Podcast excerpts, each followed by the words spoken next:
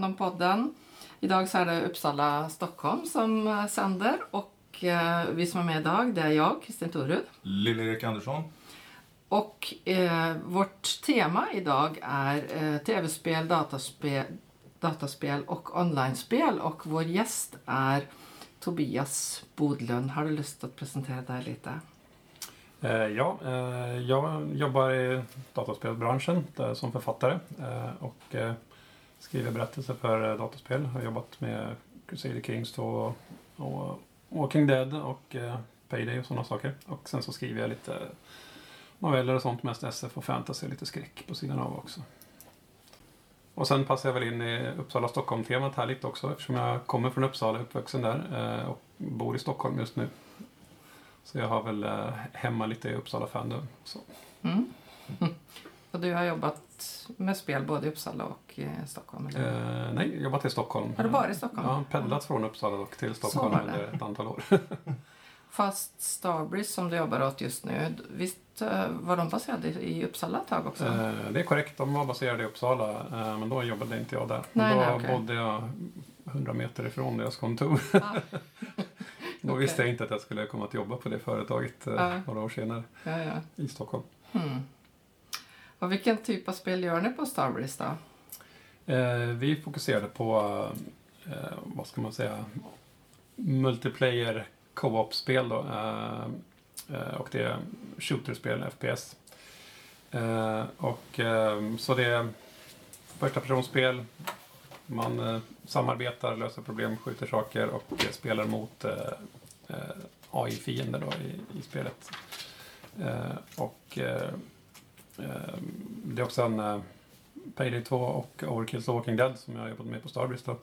Framförallt är ju eh, spel som eh, har en release och eh, man släpper spelet och sen så släpper vi liksom expansioner och DLC, downloadable content då. Eh, och, eh, och håller liksom spelet igång under många år som en, som en service liksom med delvis gratis uppdateringar och eh, delvis eh, expansionscontent som man köper då. Mm. Eh, och som författare då så måste man ju tänka då att man tänker det här långsiktiga. Att nu släpper vi spelet men det ska finnas hela tiden en fortsatt berättelse. Mm. Och då blir det lite som när man eh, skriver tv-serier. Att man tänker liksom att nu skriver vi säsong tre men vi ska tänka på vad som händer i säsong fyra. Så att vi hela tiden bygger någonting framåt.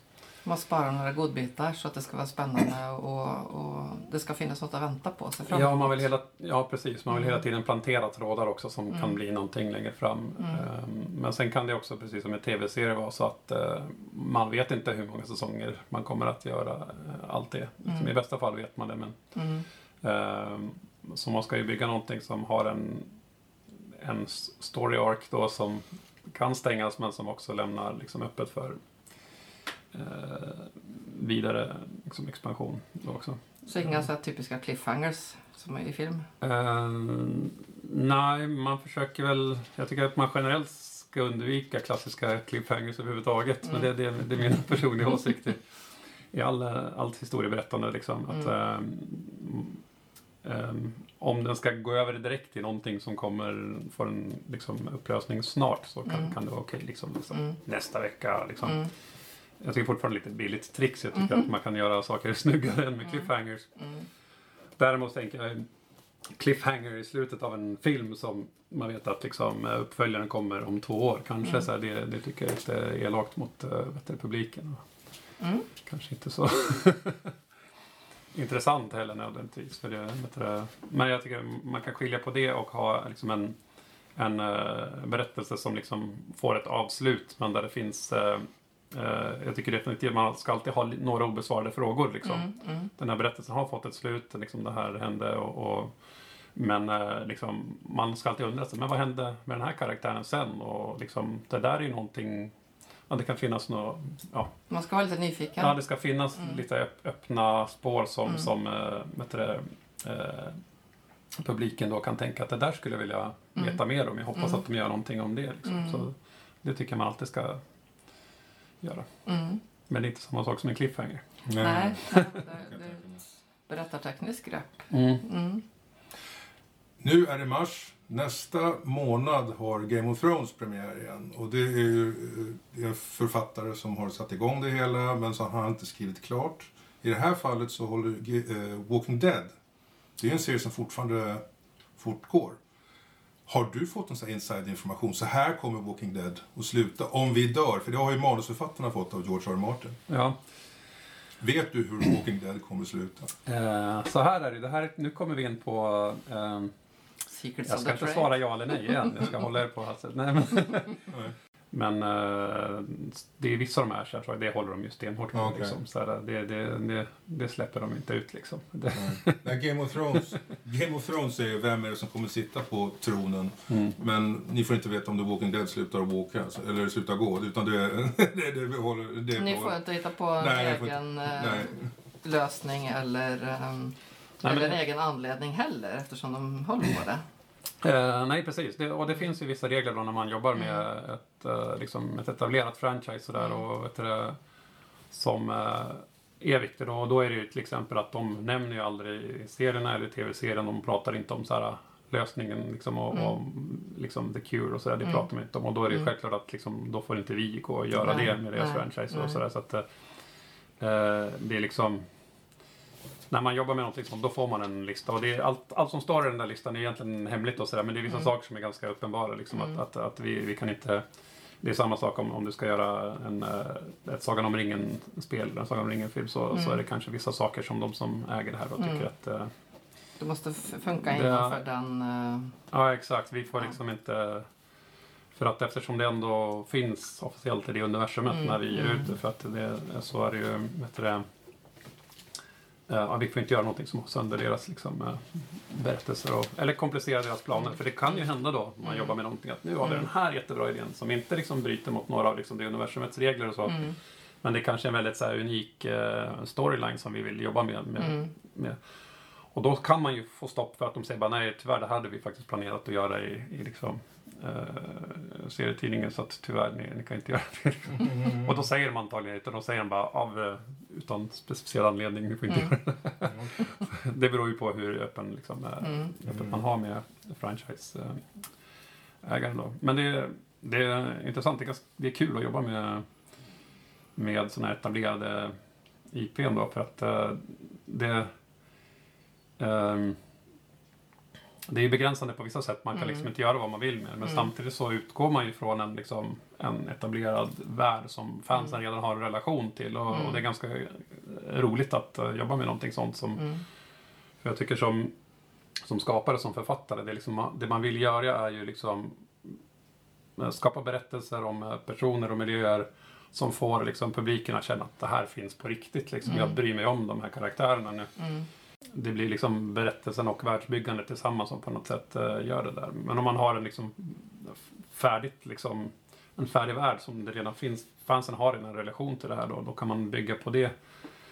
Och då får man då inte det här roliga kreativa att bygga allt det där från början men samtidigt är det, är det ganska kul att ta någonting som finns och se vart, Mm. vart kan man ta det här, vad kan vi berätta Mm. för nya intressanta unika berättelser i, i, i den här miljön. Då, liksom. mm, för eh, i eh, Overkill's Walking Dead så har vi ju eh, vi har ju nya unika eh, karaktärer. Vi har ju, vi har ju inte de karaktärerna som, som förekommer i spelet är ju det är inte Negan och det är inte Rick och de här liksom, men de finns i det universumet och det är ju liksom en mm, tänkbart scenario att de kommer att träffas liksom längre fram i timelinen. Det, det, det vet man ju inte Jag har liksom. valt att lyfta fram dem på ett annat sätt än man har gjort i serien eller Ja, vi, de, de, de finns inte De med finns inte i vårat spel liksom, men de skulle ju kunna dyka upp. Ja, Liksom, tänk, så, det, det är så att publiken, Mm. eftersom det, det är ju liksom sagt att det här är ju officiell Walking Dead Canon också. Mm. Så att, eh, Mm, eh, då, då finns det liksom, när man börjar med dem, då, då börjar redan fansen tänka, ja, men vad händer? Vad händer om Mm. de, de här eh,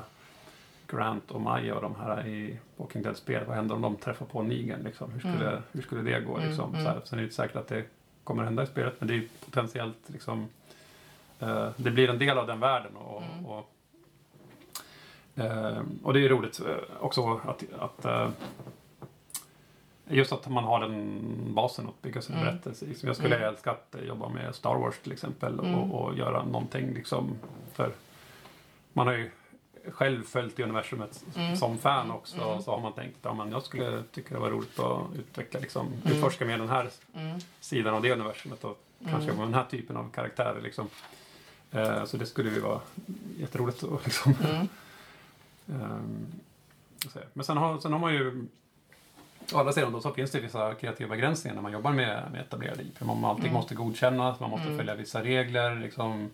Det har en viss stil liksom. Det är, vissa, det, är- det är väldigt så här, jobbigt och ledsamt och allting. Och, och, och människor är inte snälla liksom. Och även om det är så här allvarligt liksom, IP så kanske man vill använda en viss typ av humor och sådär. Men liksom, det, det finns begränsningar. Man kan inte ha man kan inte ha gags liksom, med, med zombies i Walking Dead för det är Mm. liksom sorgligt och allvarligt Mm. allting. Liksom. Mm. Eh, och eh, vissa typer av, vad ska man säga,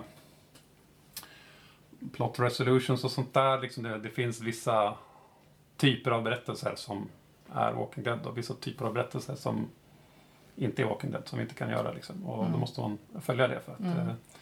eh, eh, och det kan vara en utmaning ibland att man tänker Mm. att liksom, det är det här ramarna vi måste hålla oss inom. Men samtidigt så eh, eh, ja, det är också kul liksom att, att eh, vara med och, och bygga den världen också. Som Mm. redan, liksom, bygga vidare på den världen som Mm. redan finns. Men ni har valt att ta inspiration från serierna framför allt, alltså de tecknade serierna, fram, framför TV-serien. Ja, alltså, Fast man, man tänker att tv-serien, den, det mediet borde ligga närmare spel på något sätt ändå. Ja, eh, nu är ju anledningen till det är ju att eh, det är ju vet du, eh, man behöver ju liksom ett avtal Mm, liksom, och eh, Starbase köpte licensen från Mm. eh, Skybound Mm. Entertainment Mm. liksom, som, och eh, vad det hade för orsak från början att man köpte liksom från licens från serietidningen och inte från tv-serien. Mm. Eh, det vet jag inte, det, det, det är Mm. de som förhandlade om det då ja, liksom. Ja.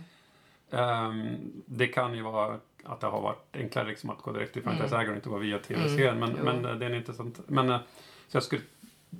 Om skälen till dem var liksom kreativa eller liksom business, det, det, det har jag ingen aning om.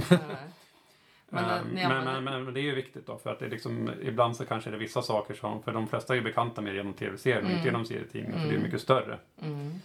Eh, och då kan det ju vara vissa saker eh, som man tänker att det där skulle vara coolt att ha med i spelet Mm. kanske någon säger då på, Ja. på jobbet. Och så, ja den här liksom, eh, det var någon eh, kollega som tyckte vi borde ha med den här liksom, revolvern som Rick har liksom. Och då har han ju det i tv-serien men i, serietidningen har han inte en revolver, Mhm. han har en automatpistol. så Ja, att, ja. så att det, det gäller att hålla koll. Jag menar vi som jobbar med liksom, eh, på vet du, författarsidan på Mm, mm. har ju mm. järnkoll på det. Liksom, har ju Mm. läst allting så vi vet ju. Mm. Men eh, det, det kan man... Det gäller att hålla koll på de där sakerna för det, det kan blandas upp om man har sett Ja. tv-serien för mycket. Att man, att, Men ni måste ju se båda, tänker jag. Eller jag både läsa Jo, för vi, man refererar ju till den. Ja. Det är ändå liksom det som fansen Mm. liksom känner till också. Mm. Så att man måste ju förhålla sig till det också, Mm. absolut. Ehm, men det är ändå väldigt viktigt också rent så här... Ja, då kommer man in på det här legala också. Liksom. Så här, Mm. skulle vi av Mm. misstag ha med något från tv-serien för att någon liksom gjorde en miss och tänkte Ja. jaha, det där. För, Mm. då har vi ju liksom använt eh, tv-serien, något som inte, ja, precis, Ja. som inte vi har Ja. rätt att använda. Och Ja. då, då är, det- så att, Ja, det, det förstås. det där måste man ha gärna koll på, det, de sidorna också. Och då har ni, det betyder att ni har ingen musik från filmen utan ni har originalmusik då? Ja, precis. Vi har Mm. en egen kompositör som, som har gjort originalmusik till spelet. Och, eh, Jag tycker det är häftigt. Du, ja. du har berättat om det förut, att ni gör egna ljud och så. Men ni Ja. gör alltså även egen originalmusik? Ja, Mm. Ja, precis. Det, det, då bygger vi vår ja, egna Mm. musik, egen liksom, ljuddesign och sådär. Mm. Som då ska passa in med Walking Dead-stämning. Men där behöver vi då, där blir det ju frihet för oss att vi inte har tv-serien som förlaga. Utan Mm. utan serietidningen därför att eh, då kan vi liksom då behöver man inte använda just den musiken från Mm. tv-serien. Man kan göra någonting liksom mm, våran tolkning av det, så Mm. att säga. Och sen Mm. så jag har jag pratat med folk som har jobbat med Star Wars-spel Ja. och då säger de liksom från ljuddesign-sidan så är det så att det är kul att jobba med för att Star Wars är så ikoniskt. Just Ja, jag Star Wars är så känd. Va? Ja. Eh, samtidigt så är det så att de vet ju typ så här, alla vet hur en TIE Fighter låter liksom. Ja, det kan man inte ändra ja. på liksom. Så att deras jobb blir att få det att låta så TIE Fighter-likt som möjligt för alla vet redan. Mm. Men då gör man ju inte en egen design på det liksom. Men, men ändå att implementera det där som är så Mm. känt. så Mm. Tyckte de ändå var roligt liksom. Mm. Jag pratade med några ljuddesigners som hade jobbat Mm. just på Mm. Star Wars Battlefront. Och, Mm. och, så att eh, det blir speciellt. Och vi var inne på Game of Thrones också. Mm. Telltale Games eh, gjorde Game of Thrones-spel som är ganska känt och som jag tyckte Mm. var väldigt bra också. Eh, som är lite mer åt det här in- interaktiv eh, filmhållet, liksom, hur, hur det funkar. Men, eh, men de är då baserade på tv-serien. Mm. Eh, så, och då vet jag inte hur det funkar legalt om de har liksom fått förhandla med George R. R. Martin. Men det är klart att eh, då måste ju alla de kända karaktärerna som är med i tv-serien, de måste se ut likadant i, eh, i spelet och de måste ha liksom samma... Och då undrar jag nu, så att jag vet faktiskt inte om de har använt de skådespelarna också för rösterna. För ibland så gör man ju att man tar en sound-alike om man inte får samma skådespelare för att de är för dyra. Ja, ja, ja. Men, men vad de har rätt då låtsar de ju sig på att allting ska se ut som i tv-serien. Mm. Men det kan ha varit ett bra val ändå därför att eh, de flesta Game of Thrones-fansen idag är ju liksom det via tv-serien och inte via böckerna. Så böckerna gör en egen liksom att så här ser Ramsay Bolton ut och så typ de flesta fansen har sett tv-serien tycker att så där ser inte Ramsay Bolton ut. Då, då blir det så att eh, det är som att det är böcker från början. Och har man läst böckerna tidigt, som, som jag till exempel, Mm. då, då är det det som är liksom, den riktiga Game of Thrones. Mm. Fast de flesta har ju sett tv-serien först Mm. och det är det ju Ja. och det är som har hänt med eh, Sagan om ringen också. Ja, som, visst. som, som är ju, liksom, det kom ut på 60-talet och har ju funnits väldigt länge och haft en stark fan-following i Mm. många årtionden. Jo, verkligen. Men när det blev filmer så blev det ju Mm. hundra gånger större helt Mm. plötsligt. Men en hel fanbas som bara förhåller sig till filmerna som aldrig har läst böckerna. Nej, precis. Mm. Och, och det blir ju, du, för när man kan se fanart, äldre fanart från Sagan om ringen. Det är ju Mm. liksom så många olika Mm. liksom, variationer och så här Mm. tänker man sig att det ser ut och så. Mm. Men när filmerna kom ut då fanns det helt plötsligt en visuell referens Mm. som var väldigt liksom, stark och väldigt Ja. känd. Ja. Så nu när man tittar på, eh, eh, jag tycker om att bara surfa runt på DeviantArt ibland och bara Mm. titta på liksom, fanart och Mm. all, allmänt så. Eh, så där har det inte hänt till 100 procent. Men det är väldigt mycket av eh, fanart som ringen som är nu liksom, Mm. så här, det finns en konvention, så här ser liksom eh, Saurons språkrör till exempel, Ja, så ser, Mm. ser ut så här nu liksom, Mm. på filmer och det är inte Mm. alls som jag tänkte med den verkligen inte. Och Peter Jackson har ju kanske tagit ut svängarna lite Mm. ibland för att få en viss effekt och sådär. Mm. Men, men då är det det som blir den nya eh, sanna Sagan om ringen för, Ja. för många och då, då är det ju så liksom. Ja, det blir Eh, kanon liksom. precis. Jo, det blir kanon och då, det kanske här, ibland kanske det blir lite kluvet så här i, Mm. i fandom hur, hur liksom Mm. folk eh, känner Mhm. inför det och sådär. Och, eh, eh, Får ni sådana reaktioner från, eh, från fans som spelar era, era spel? Om det är baserat på serier till exempel. Eller tv-serier. Att, att de känner att det inte stämmer överens alls med deras vision. Eh, just Walking Dead är intressant för att det är ju ändå liksom baserat i kontemporär liksom, verklighet. Mm. Alltså, okej, zombies, men, men, men det utspelar sig ändå i den verkliga världen. Så det är Mm. inte så att man tänker att nej men så där ser inte mina Tirith ut. Man får Mm. inte de grejerna för att Nej. det ändå är liksom Mm. eh, ha, där är det ju mer kanske stämningen och hur berättelsen och hur, lite, hur, liksom, vilken typ av karaktär man använder som kan vara Mm. folk tycker att det här känns som Walking Dead eller inte. Liksom. Mm. Och där har vi generellt fått, eh, ja det har gått bra med Walking Dead. Om jag får gå tillbaks lite grann då till, eh, till Starbreeze. Eh, hur många är ni som jobbar med eh, som manusförfattare, som jobbar med ljud? Ja. Hur stor är arbetsstyrkan? Ja, ehm, eh, när det är spelproduktion så brukar ju arbetsstyrkan på ett, just ett visst projekt brukar ju variera över tid. Mm. Att I början när man gör mycket där, förarbete och Mm, pre-production som vi säger då, mm, mycket engelskt fikonspråk i Mm. branschen. Mm. Eh, är det kanske en min, mindre, mindre styrka person som jobbar liksom försöker liksom definiera visionen och göra lite, Mm. kanske göra lite prototyper på hur saker ska Mm. funka och så.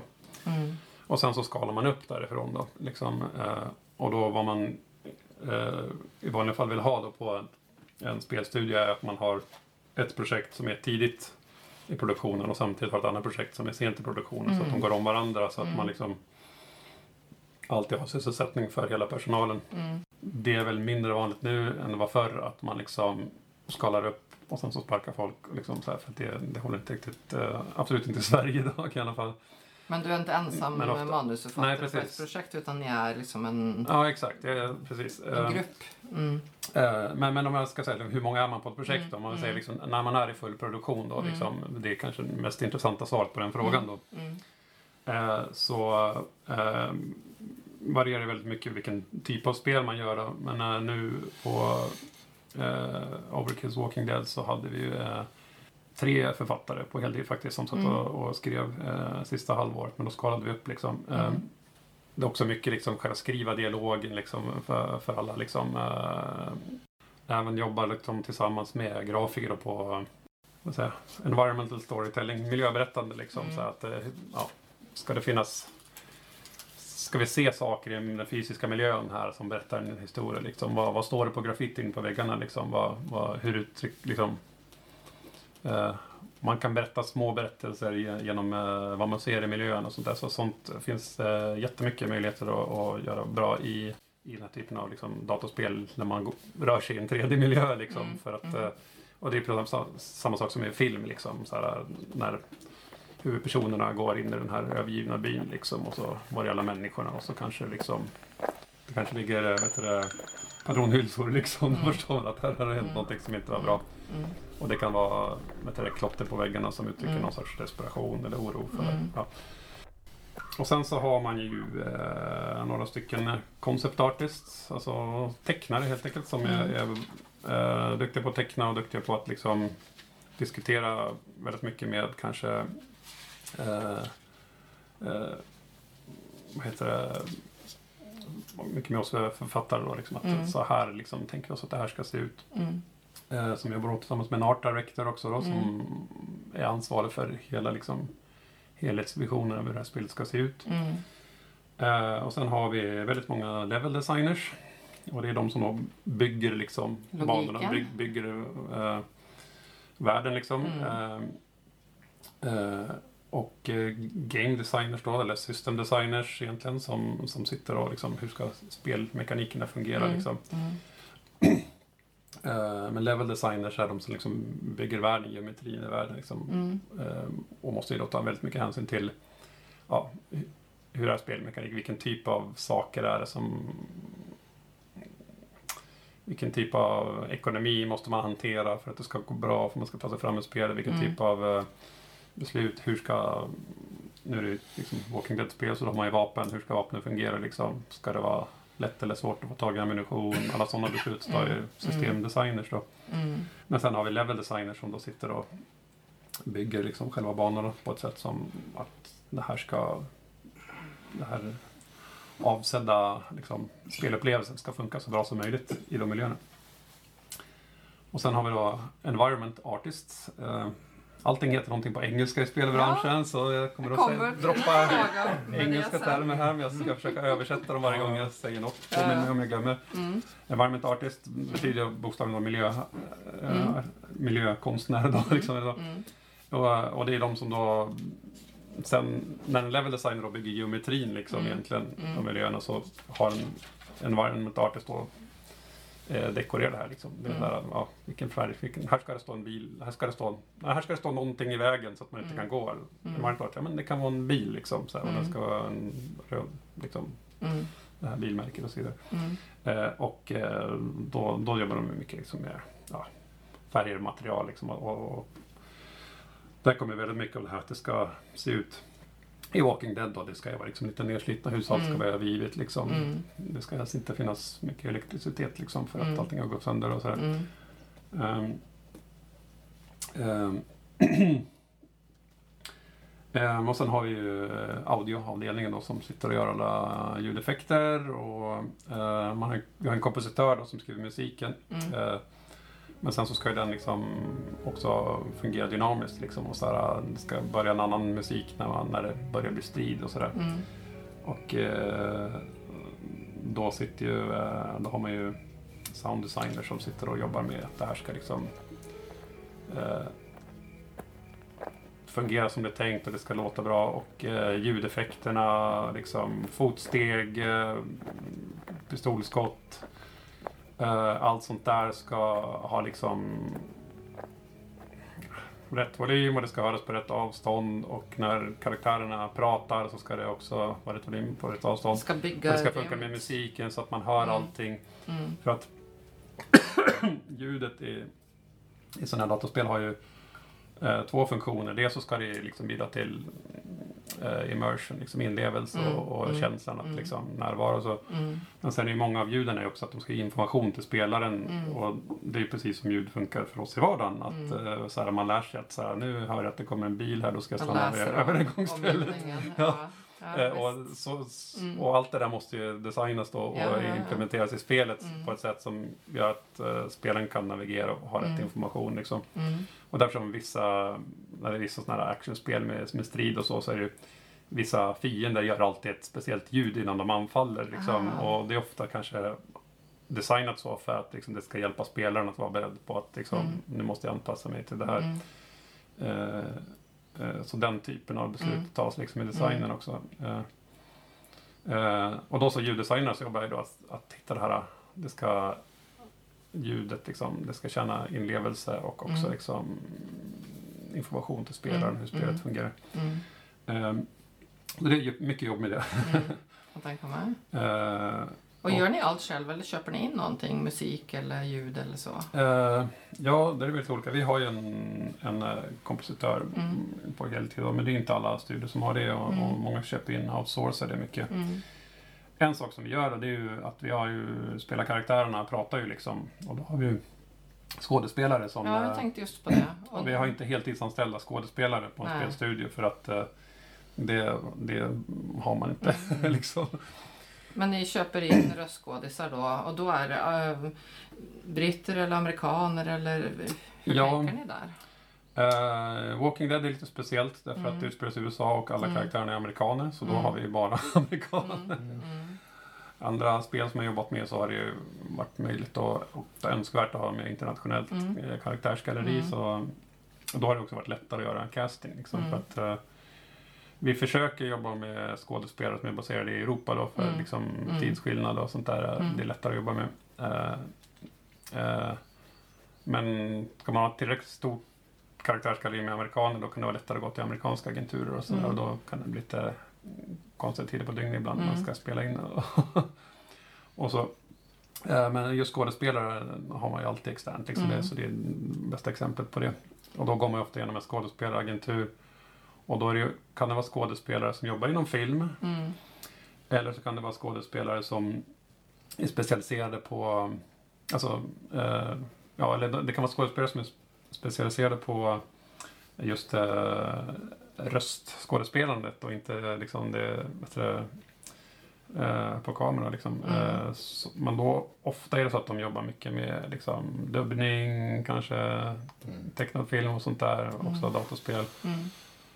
Och vissa som jobbar nästan bara med dataspel. Liksom, Mm. eh, för jag har ju jobbat ibland med skådespelare som då är liksom Hollywood-filmskådespelare också. De, de är ofta dyrare och eh, Mm. svårare att ta sig tid Mm.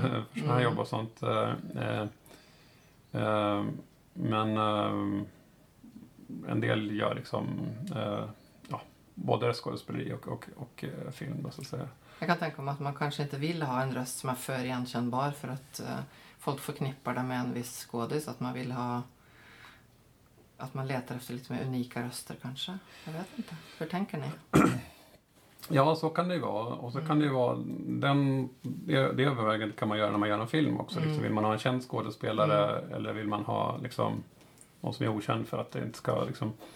Uh, det tror jag ofta i filmbranschen kan ofta vara så att man jobbar med någon skådespelare som man redan har jobbat med för Mm. att liksom, man känner den och så. Och ibland är det att man vill ha den här kända för att den ska Mm. dra uppmärksamhet till eh, filmen. Mm, mm, Men ibland kanske man inte vill ha, alltså det är så här, vissa skådespelare som är så identifierade med en Mm. viss karaktär så Mm. de har gjort den här tv-serien i 20 år så har de svårt att få andra gigs för att Jag kommer ihåg. Ja, jag såg eh, han som spelar Al, uh, Al Bundy i Married with Children. Eh, en gång så dök han upp i någon så här, eh, realistisk relationsdrama på någon film jag såg. Och det bara, jag kunde inte se filmen Nej, därför att han var för liksom intrummad med, med just Ja. den där eh, karaktären. Så att, Jag kommer ihåg det Eh. från när barn, mina barn var små och ehm, ja, man såg um, Turtles till exempel. Alltså det fanns bara vissa svenska röstskådespelare som återkom i alla röster till alla tecknade filmer som Ja. gick på tv. Man kände igen dem hela tiden. Det var väldigt störande. Jag tänker att det, det måste också vara någonting som man försöker undvika att,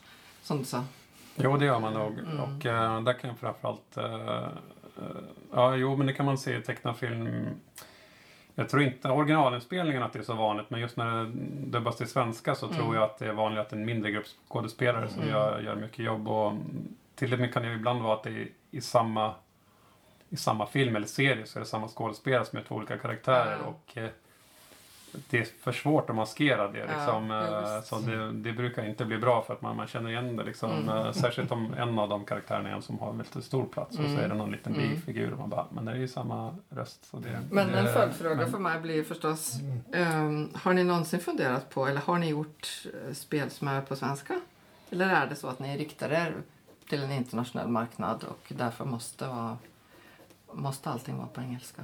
Eh, ja, alltså spelbranschen i Sverige och, eh, är ju så att den riktar sig till en internationell marknad Mm. helt och hållet. Mm. Och eh, då är det ju liksom eh, Det finns Ja. ingen, eh, ingen, ingen särskilt eh, syfte liksom att göra... Alltså det är inte riktigt kommersiellt gångbart att investera i ett Mm. stort spelprojekt och så rikta in sig på den svenska marknaden Mm. framför allt. Mm. Eh, så är det ju liksom... Mm, man skulle ju kunna göra det men då skulle det inte vara försvarbart för lika stor budget och Mm. dessutom är det så att det är ändå så pass...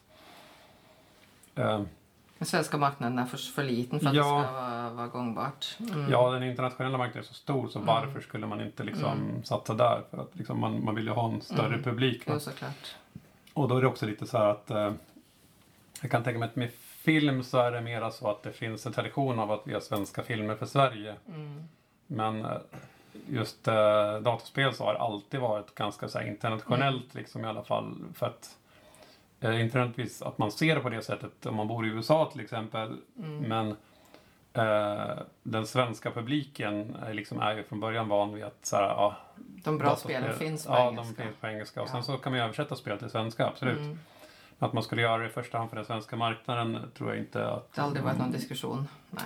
Det har väl gjorts en del spel men det är liksom Mm. inte de Men inte större er. kommersiella Mm. produktioner.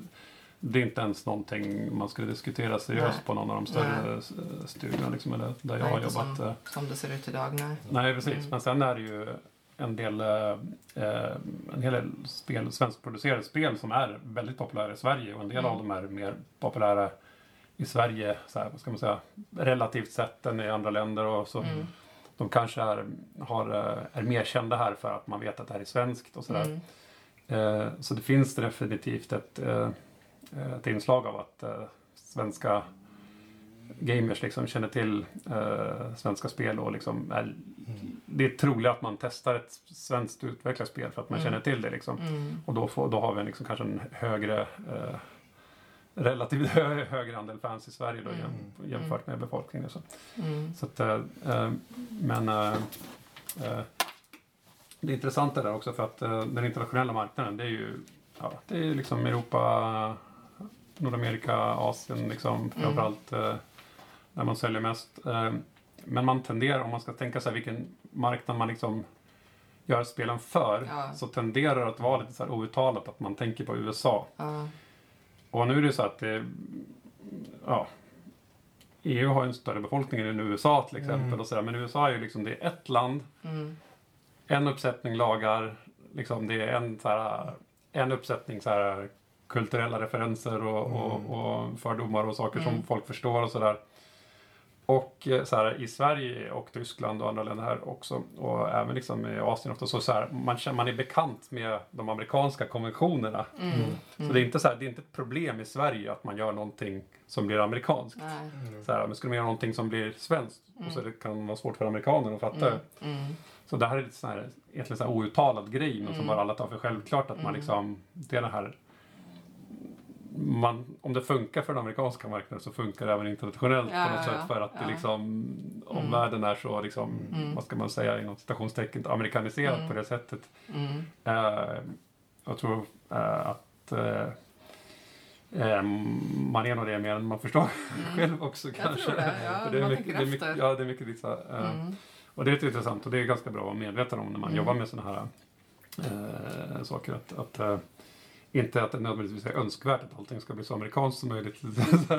Men det, är liksom, det finns någon sorts uh, underförstådd att liksom det är lite det är ändå det liksom någon sorts eh, den eh, Ja, lite såhär o- outtalat Mm. är lite den, den världen man rör sig i på något Mm. sätt. Liksom. Och Mm. som sagt, man kan, man kan eh, ha synpunkter om det är bra eller dåligt att det är så, men det är så i alla fall. Nej, jag tänkte bara säga det för eh, jag antar att Walking Dead är var gjord med engelska skådespelare primärt, men det kommer väl antagligen att säljas i Frankrike med franska skådespelare till exempel. Blir det dubbat där? Ehm, Det är väl ingen Nej. tradition av dubbning inom, eh, inom dataspel på det sättet väl? Inte så starkt, men en, en del stora spel gör det. Okej. Eh, Men eh, eh, vi gör inte det. Vi har däremot uh, undertexter på en massa olika språk. Okej. Men alla karaktärerna pratar engelska i vårt spel. Mm. Eh, men jag vet vissa, vissa spel, större, Mm. framförallt större produktioner med, med större budget, Mm. budgetar och så har eh, ibland eh, faktiskt eh, Mm. dubbat till olika språk. Det beror på också. Om det är ett Mm. spel som har väldigt mycket talad dialog så blir det väldigt mycket Mm. större grej att liksom Mm. dubba allting. Men har man har man eh, ett spel där eh, det kanske bara är liksom actiondialog som, som inte är så stor mängd liksom och där också typ det är de liksom här actiondialogen är väldigt viktig för att förstå vad det är som Ja. händer. Så då kanske det är mycket större chans att man, att man dubbar Mm. eh, dialogen till olika språk och sådär.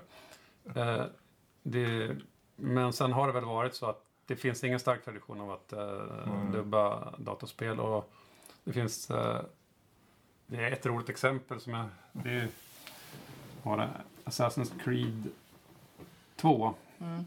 eh, som gavs ut av Ubisoft för ja, jag kommer inte ihåg vilket år. Eh, de hade då eh, när de släppte det spelet, det utspelar sig då i Italien under renässansen.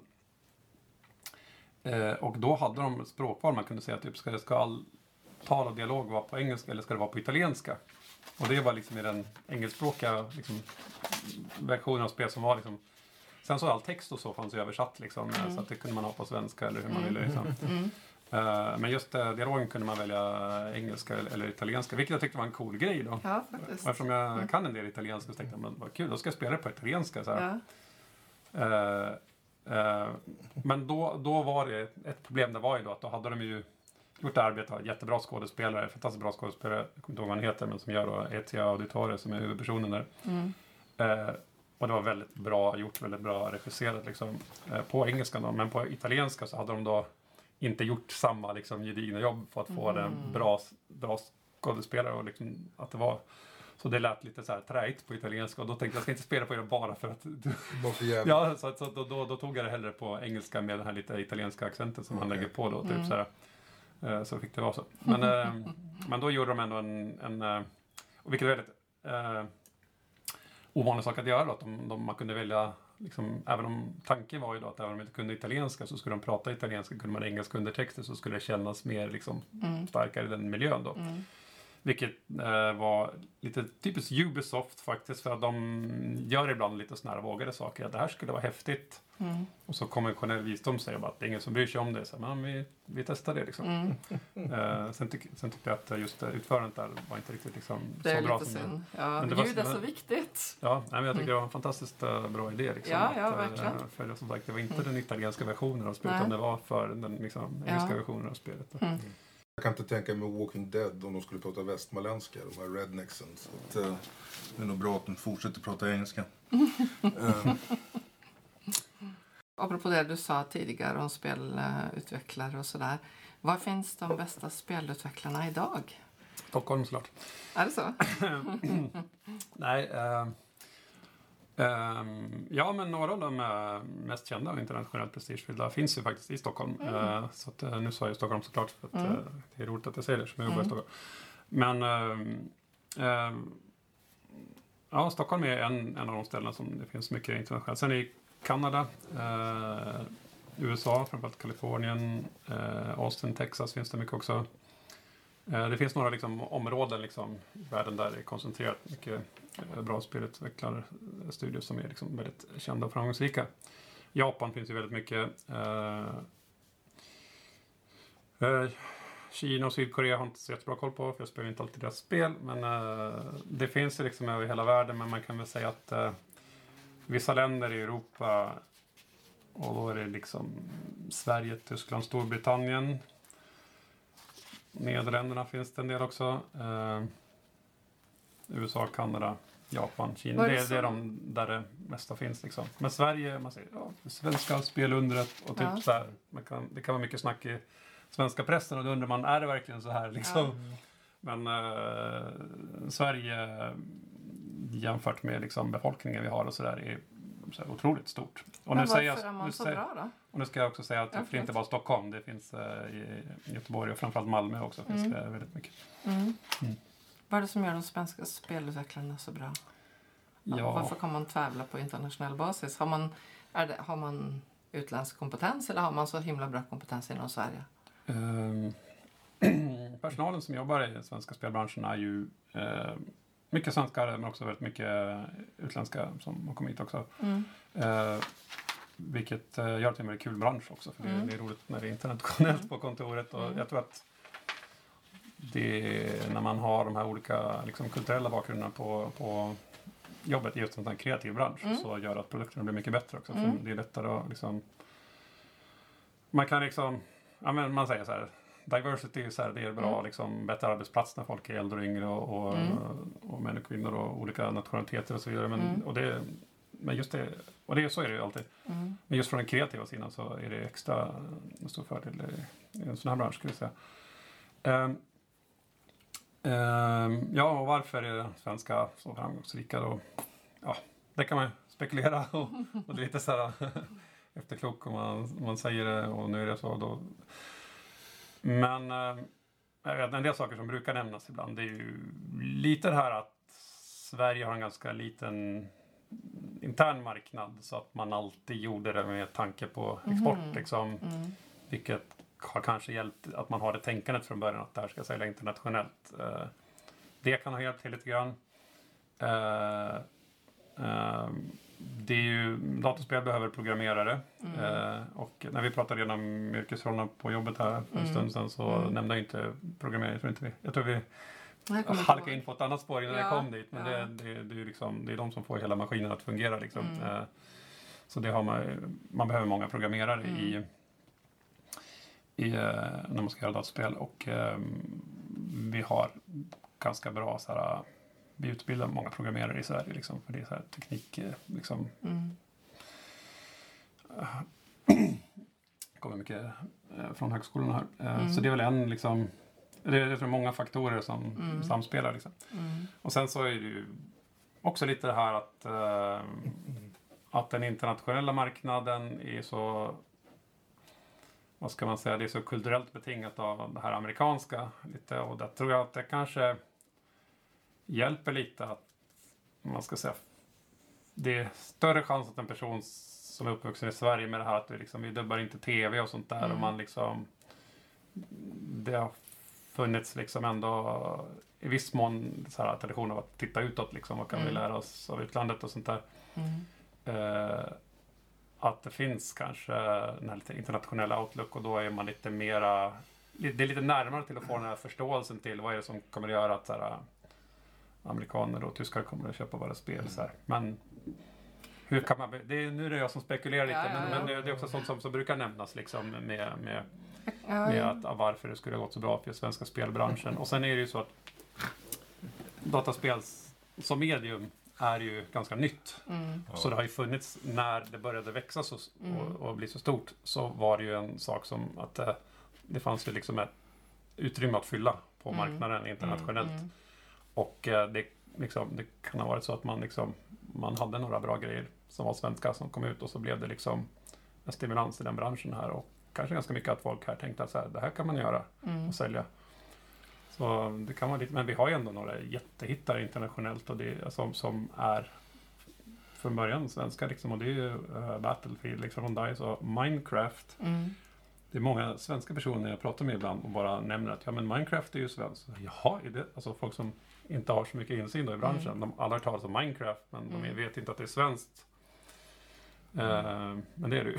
Men jag tänker att ja, det kan ju också ha med att... Eh, eh, jag spekulerar ju nu, eh, men jag tänker att kanske många av de som går in och jobbar i, i spelbranschen är SF och fantasyfans där man har en tradition av att läsa på engelska därför att det fanns inte tillgängligt bra översatt material. Vi var så svältfödda från Ja. 60, 70, 80 och 90-talet. Det var det jag tänkte säga. Men, Ja. men eh, jag vet inte om man kan säga det också. Är det så? Är det, är det mycket SF och fantasyfans inom spelbranschen? Det är just folk som jobbar, ja, och folk som jobbar med design och skriva och sånt där. Mm. Det är väldigt många gamla rollspelare Mm. och sådär Ja. också. Mm. Och även folk som, folk, inte bara på den kreativa som också som driver företag, också mycket gamla rollspelsfolk och så. Mm. Och det tror jag för att liksom eh, rollspelskulturen på 80-talet i Sverige, Mm. det är ju så här, okej, Drakar och Demoner, men Mm. det, det fanns, det var mycket att man spelade utländska rollspel, Mm. lärde sig det här att typ så här, våran kultur är väldigt engelskspråkig liksom. Mm. Även om man typ pratar svenska och spelar på Mm. svenska så var det så att vi, vi behöver de här, Mm. vi vill spela Rollmaster, vi vill spela Dungeons and Dragons, det finns inte översatt. Mm. Så absolut, jag tror Mm. jag du har absolut rätt i att, att, eh, att eh, det kan hjälpa till den här också med att man tänker det här lite internationella liksom. Mm. Så här, vi spelar de här utländska spelen och nu Mm. vill vi göra spel som de spelar i utlandet. Att man har haft det perspektivet. Mm. För jag tror just att man tänker globalt och inte Mm. tänker lokalt när Mm. man liksom eh, bygger de här sakerna. Mm. Det tror jag, den attityden har gjort att man eh, har varit en stor del av liksom, eh, Mm. hemligheten bakom framgången, absolut. Mm. Om du får en kvarts miljard och får utveckla ett eget spel. Och då kan vi säga så här, du ska utveckla ett spel som du vet här kommer bli en succé. Det här spelet skulle jag vilja göra. Och sen det här spelet skulle jag vilja spela men jag skulle inte vilja utveckla det. Det var många frågor igen. Ja, det var tre frågor. Men, men för det finns många... så- Nej, för jag tänker på den här, vår, eh, min idol Kevin Smith. Han älskar eh, superhjältefilmer. Och han är regissör och de frågade honom så här, varför, varför regisserar du inte? Han sa, jag pallar inte av att regissera här. Jag vill bara se dem. Och han har blivit erbjuden. Men han säger, nej, nej, nej, jag vill bara se dem. men däremot så kan han göra andra filmer som han tycker är Mm. roliga. Så att, eh, Ja. har du något förslag? Så det var tre frågor egentligen. Eh, Tre frågor. Ja. Jag, kom- det- jag slog mig förut när du satt och pratade här. Jag du- fick göra vad jag vill som skulle vara en garanterad succé. Jag fick Mm. eh, en Ja. kvarts miljard. Ja. Nej, men då skulle jag nog göra någon sorts eh, stort open world eh, rymd SF-spel som eh, ja, som man kan eh, som egentligen är ganska open-ended och, och eh, som naturligtvis då kommer att bli en succé. Garanterad succé, för det sa du. Ja, ja, ja. Nej, men sån här Rimworld. ja. precis, Nej men ja precis, Nej, men som man då kan liksom fortsätta expandera. Egentligen lite som Star Wars-universumet fungerar Mm. när det varit som bäst. Att man liksom kan bara, man har det är så tydligt definierad identitet liksom i kärnan men att det är så open-ended åt alla håll så att man kan bara bygga vidare. Mm. Och eh, eh, du har att det är SF så då kan du lägga till vad du vill egentligen i gameplay Ja. som, som alltid går att liksom eh, knyta in och eh, det finns, man liksom ger sig inga begränsningar alls med vilken typ av eh, teman man kan jobba med. Det kan vara liksom så här, politik, det kan vara liksom eh, jedi-munkar. Ja, liksom, ja, det kan, det kan vara Schyssta miljöer, vackra världar. Ja, ja, precis. Och det kan vara liksom avatar miljöförstöring och det kan vara Mm. allt möjligt. Alltså, man, man kan göra vad som helst i en sån miljö. Och eh, att just i open-ended, om man då tänker sig att det som du säger då är en garanterad succé så kan man fortsätta liksom utveckla det åt alla olika håll. Mm. Och sen gör man ju såklart eh, film, spin-offs på det.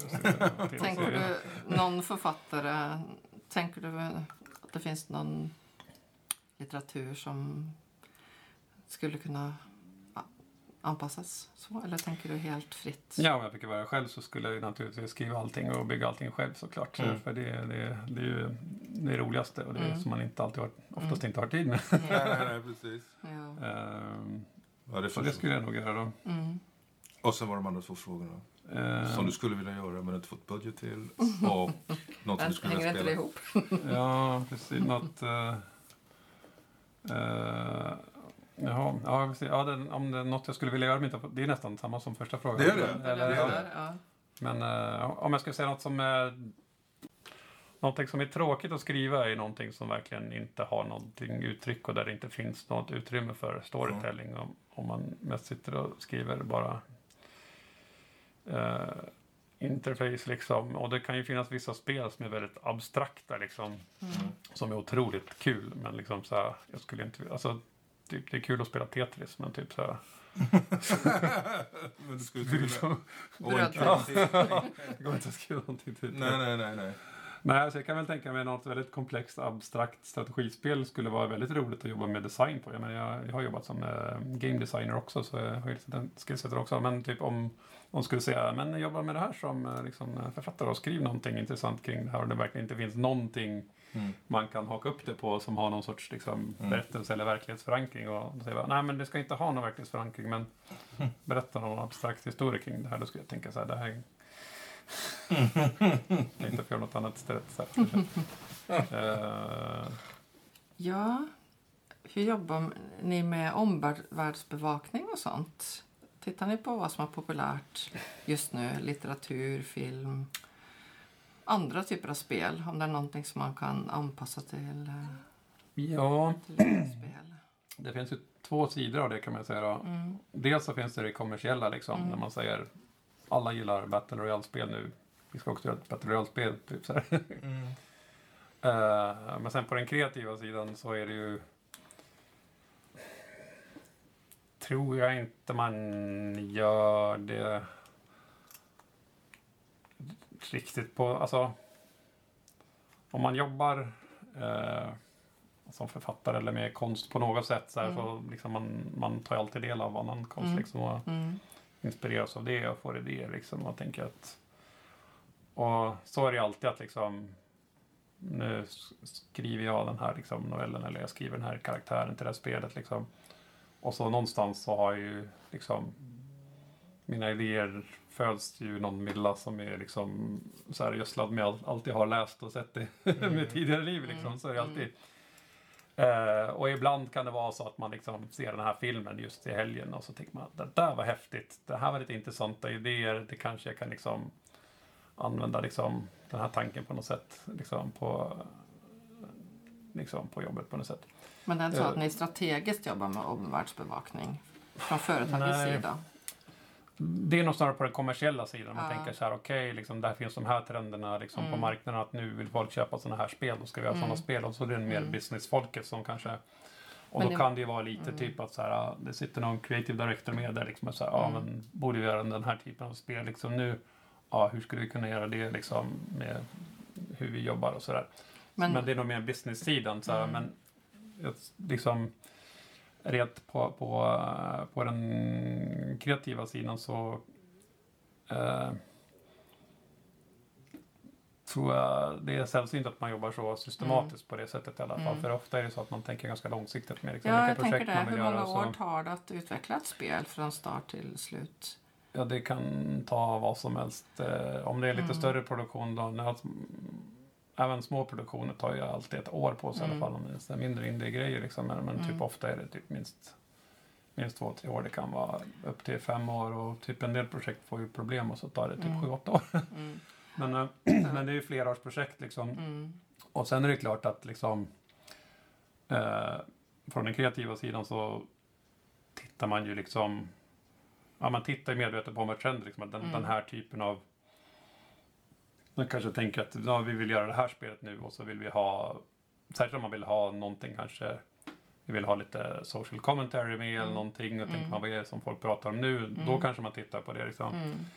Eh, eller om det är, vet du, det, det kan också vara att man tänker, ja vi ska ha de här temana med liksom, och sen så händer någonting liksom, politiskt eller någonting Ja. krig och så tänker man så här, oj det här kan vi nog inte. Ja, nej, jag Jag menar, säg det. att, ja, Mm. säg att man liksom gör ett... Måste eh, ändra kurs under vägen Ja men det kanske. skulle ju kunna hända Ja. liksom. För det Mm. var ju, det, ehm, eh, det kan ju hända att man eh, ja, man jobbar med ett scenario som är intressant och utspelar sig på en viss plats med ett visst tema Mm. liksom. Och sen så mm, blir det krig i det landet i verkligheten. Ja. Och då var det inte lika roligt att, att springa runt och, och så här, ja men säga att eh, ja, men nu ska vi ha det här eh, krigsspelet och det Mm. liksom, eller, Mm. eller någonting. Man, Mm. man ska springa runt och vara hemliga agenter och skjuta Mm. varandra i Libyen Mm. och sen bara oj nu blev det så här krig i Mm. Libyen på riktigt. Så här, då kanske Mm. man inte vill göra det. Så sånt, sånt Mm. kan ju hända Ja, liksom. eh, Och det tror jag att eh, man alltid är medveten om. Liksom, Ja. Har ni fått göra några sådana stora kursändringar i, i planen för ett projekt någon gång? Eh, det var ett spel som jag jobbade med för många år sedan. Då jobbade jag som eh, designer på ett spel och då jobbade jag också lite med, med, med narrative också. Fast Mm. inte helt, som heltidswriter liksom. Mm. Eh, och då var det en, en stor vändning liksom, i storyn som handlar om att eh, det var lite utomjordingar och eh, det var inblandat att man skulle eh, trigga en artificiell tsunami för att liksom, Ja. eh, dränka utomjordingarna. Mm. Och just när vi satt och jobbade så hände den här jättestora tsunamin i Sydostasien. Mm. Och, eh, och då sa vi att ja, det här kan vi inte göra nu. känns Liksom, för det, Mm. det är så här, det här eh, Det be, ja, berört Ja, så många människor negativt. Ja, precis. Och Mm. då, då, då blev det liksom inte Mm. en sån här liksom, actionfilms plot device längre. Utan då var det någonting som var Mm. Mm. så väldigt aktuellt. Mm. Liksom, på, Mm. Och då, då, då, då, Ja, Ja. då det blir fel. ändrade jag kommer inte ihåg Mm. vad vi ändrade det till. Men det var länge sedan. Mm. Ja. Ehm, så, så sånt kan ju hända liksom. Mm. Och, och sen finns det ju och det kan ju vara att man tycker att liksom, nu händer det här, nu blev det liksom olämpligt hos mig. Eller liksom, Mm. Det kan vara politiskt känsligt och så. Mm. Det, det var ju vänta, första Spiderman-filmen som Ja. Peter Jackson gjorde som eh, han Jag tänkte svingade runt eh, World Trade Center Center. i Ja, New precis, York och sen så hände det där och då tyckte de att det här blir inte så populärt just Nej, nu. nej, Typ, nej. så, här, så då, då blev den filmen försenad när de gjorde Ja. den. Men det- Mm. Mm. Av Eh, logiska anledningar. Och så, så, så, så kan ju hända. Liksom. Ja, och, och, men det där är ju Mm. stora liksom, Mm. händelser, men det kan ju även vara mindre saker. Som, Mm. Jag tror att eh, generellt sett är det sådana saker som när om det händer så är det så uppenbara saker. Mm. Så att, Mm. eh, och sen är det ju, mm, vad heter det, eh, det ligger väl lite på ens ansvar som liksom, eh, så här, kulturskapare också alltid att ha lite koll på Mm. vad saker har för konnotationer för Mm. människor liksom, Mm. runt om i världen. Och liksom, Mm. Är det etiskt att använda det här i Mm. spelet? till Ja, precis. Och där kan jag ju Mm. tycka att en del filmer och spel Mm. som görs kan man tycka Mm. att okej, här kan man tycka att det här inte riktigt Mm. behandlas på ett ifrån. Alltså det är mycket saker som kommer Mm. ut och som görs som Mm. man kan tycka är kanske är lite tveksamt. Så här, men som man själv inte skulle Det här göra. våldtäktsspelet som, eh, visst var det det? Det som var tal om i Ja, media här för uh, några Ja, veckor sedan. det där var Vad ju... var det för någonting? Ja, jag har inte... Det, det där var en ganska liten produktion tror jag Okej. som... Eh, eh, som verk, alltså för indie-utvecklare som man säger, så här, väldigt små spelutvecklare kan ju publicera vad som helst egentligen Mm. på, på Steam. Då, då Steam har ju Mm. sagt, att, som är den största distributören av Mm. PC-spel, har ju sagt att vi lägger oss inte i vad innehållet där utan liksom det, Mm. det får liksom publishern stå för. Men då kom det ut någonting som var väldigt så här, ja, väldigt sjukt och eh, som det hade inte kommit ut ens men de annonserade Mm. att vi ska sälja det, det kommer att släppas snart. Mm.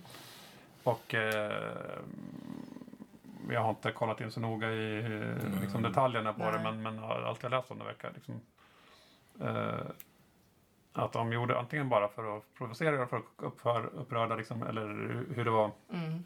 eller om det, ja, vad de nu ville göra med det. Men det var väl det en sån sak som eh, Steam då fick gå ifrån sin policy. Ja. Okej, det är vissa saker som vi ändå inte kan ha på vår Mm. försäljningsplattform. Liksom, Mm. Så då tog de bort det. Mm. Eh, vilket jag tycker var rätt för det var, som, det var formulerat som att det uppmuntrade till den här typen av brott. skapa, liksom, skapa en och, eh, positiv bild av våldtäkt ja, det var. ja, Väldigt precis. märkligt. Ja. Eh, så det var ganska klart case Mm. av att liksom, Mm. det, här var inte bra. Liksom. Mm. Eh, och den tror jag alla håller med om, liksom, Mm. alla som är inte är väldigt konstiga i huvudet. Liksom. Mm. Men eh, det finns ju en del, liksom, ibland kan man tycka i filmer, så här, hur porträtteras liksom, Mm. eh, vissa nationaliteter i vissa krigsfilmer och sånt där som, Klassiska skurk. som, eh, ja, men som är ganska accepterat av den stora Ja. publiken som, men Ja. som ändå kan vara så här, värt att diskutera. Lite liksom, att det är lite problematiskt och sådär. Den typen av saker är kanske lite mindre uppenbara och, och, Mm. och värt att tänka på. Men det, Ja. Ehm, ehm, Ja, det är många filmer där skurken pratar tyska. Och Är röker det så? cigarett med vänster hand. eh, Ja. Med någon konstig, det, det, sker, det är inte så mycket att de har lusekoftor och bryter på norska. så att... Eh, Nya norska superskurken. ja, nu, Nej. nej. jag kan tänka mig en Bondfilm där skurken är norsk. Det kan bli... Ja, det gjordes ju någon turkisk actionfilm för ganska länge sedan, 10-15 år sedan som jag har inte sett den och jag vet inte den är, om den är bra eller dålig.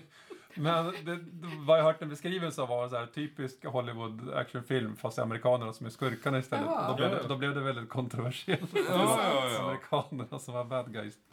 Eh, men jag har inte så mycket koll på mer kring det. Men det var, det Det var låter intressant. Att, uppfriskande i och för sig. Ja, precis. Men då, det var, när det var så här beskrivet vad de gjorde och sånt där så det Mm. lät inte som någonting som bad guys i andra actionfilmer inte gör. Utan det Mm. var liksom just att det var oväntat liksom. Jag tänkte lite på målgrupper och sådär.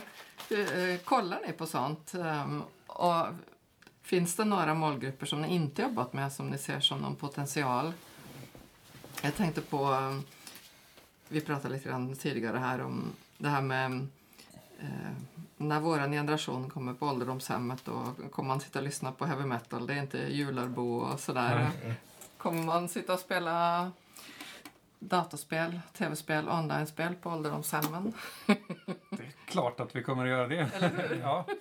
Jag tror inte det gör så mycket nu på ålderdomshemmen. Men Nej. nej, men, eh, nej. alltså det är olika, det här med målgrupper. En, en del, Mm. eh, en del eh, företag så är det med, liksom, det finns otroligt mycket statistik och deras målgrupper. Mm. Och de tänker så här och så ska vi lägga in litet element av det här i spelet Mm. för då får vi in den här målgruppen. Mm. Och på en del andra företag som är med så här, vi ska göra det här, den här typen av liksom, upplevelse. Vi tror att det här är ungefär den målgruppen men liksom, vi fokuserar på det här är grejen liksom. Mm. Och sen kommer folk att gilla det. Mm. Så hur liksom, systematiskt man gör den här målgruppsanalysen varierar väldigt mycket på olika Mm. ställen i branschen. Mm. Eh, men generellt sett så eh, den intressanta frågan är liksom, vad finns det för nya målgrupper? Mm. Vilka spelar inte spel idag? Liksom? Mm. Eh, och eh, just eh, alltså, datorspel är ju så otroligt bred sak. Det finns mycket olika saker. Mm. För det finns ju TT, och det finns Candy Crush och så, så finns det liksom Walking Dead och så finns det Assassin's Creed och det är ju så väldigt olika Ofta väldigt olika grupper av människor som spelar olika Mm. saker. Mobilspelen är liksom och har ju en enorm publik som aldrig skulle köpa en Playstation, en del av dem liksom, så här, eller Mm. många av dem. Eh, och vice versa liksom. Jag Mm. menar, eh, ett kul var så här, på företag jag var på, då, på Starbreeze och, och, och vi som var där kommer ofta kanske i vår egen spelkonsumtion från en viss liksom, bakgrund och så här. Och ibland kan det vara folk på jobbet som bara mobilspel, vad är det för något? Typ så här, att lite på skämt liksom. för det är inte den typen av spel Mm. kanske som vi alltid är så här, personer mest fokuserade på. Det är inte den Mm. typen av spel vi gör. Liksom, nu gör vi för sig ett mobilspel, men Mhm. eh, som är, jag tror Payday Crime War som är liksom spin-off på våra eh, PC och konsolspel. Mm. Men, men den numera mobilspelen, den här, de här casual, liksom, den här Candy Crush, liksom, Mm. sakerna som folk spelar på tunnelbanan Mm. hela tiden. Eh, så det är liksom väldigt olika delar av liksom, branschen som har ganska olika publik ofta också. Eh, och eh, det gör ju att eh, de här liksom, målgrupperna är ju liksom ja, ganska vida och ser väldigt Mm. olika ut. Eh, och det är yngre som spelar och det är liksom medelålders som spelar. Men liksom, vad kan man säga? Generellt sett kan man säga att så här, äldre människor spelar mindre. Mm. Och det är ju så här att eh, ens liksom, eh, vad ska man säga, kulturkonsumtionsmönster så präglas man ju när man är ung. Mm. Och de som är över en viss ålder, liksom, det fanns inte dataspel när de var Mm. unga så att de har liksom aldrig... Och då kanske inte, off, inte så vanligt att när man är liksom över 40 att man säger men nu ska jag testa det här nya mediet som jag inte känner till. Liksom. Så här. Mm. Men de Och som spelar idag tar med sig de vanorna genom hela livet. Ja men så är det ofta Mm. liksom för mm. vet du, eh, det det är ett eh, nytt, nytt medium liksom. Så här, när, Mm. när liksom eh, är man född eh, 30-40-talet så hade man liksom bio när man var liten och var van vid det. Och sen så var Mm. det liksom, tv kom ju ganska tidigt liksom så här. Men det här med hyrvideo var ju väldigt kontroversiellt på 80-talet och sådär. För Mm. att det var liksom nytt och folk var inte vana vid det och en del tyckte att så här, jaha, så kommer det så konstiga filmer. Och videovåld snackar man om. Mm. Typ så här, videovåld som att det Mm. liksom är videofilm. Inte att typ så här, det är film liksom, så det är samma medium. Men då var Mm. det farligt liksom. Och så kom det här rollspel och det var de jätterädda för. Och Mm. också en del så här. Uh, men så har man vuxit upp med det så vet man ju vad det är liksom. Mm. Eh, och sen tror jag att, att mo- mobilspel är mer lättillgängligt. Det är ju för att så här, alla har ju en mobiltelefon också. Mm. Men ska man börja spela liksom så här lite så här större, de här stora spelen som man liksom spelar, behöver en dator med Mm. bra grafikkort eller man behöver en Mm. Playstation. Då är det ju, Mm. måste man investera i pengar i Mm. hårdvara för att kunna ha tillgång till det. Och då, Olika Eh, spel för olika tillfällen. ja, då blir det liksom Mm. ett beslut att nu ska jag börja spela Mm. datorspel. Mm. Så det är inte så här lätt att plocka upp kanske. Mm.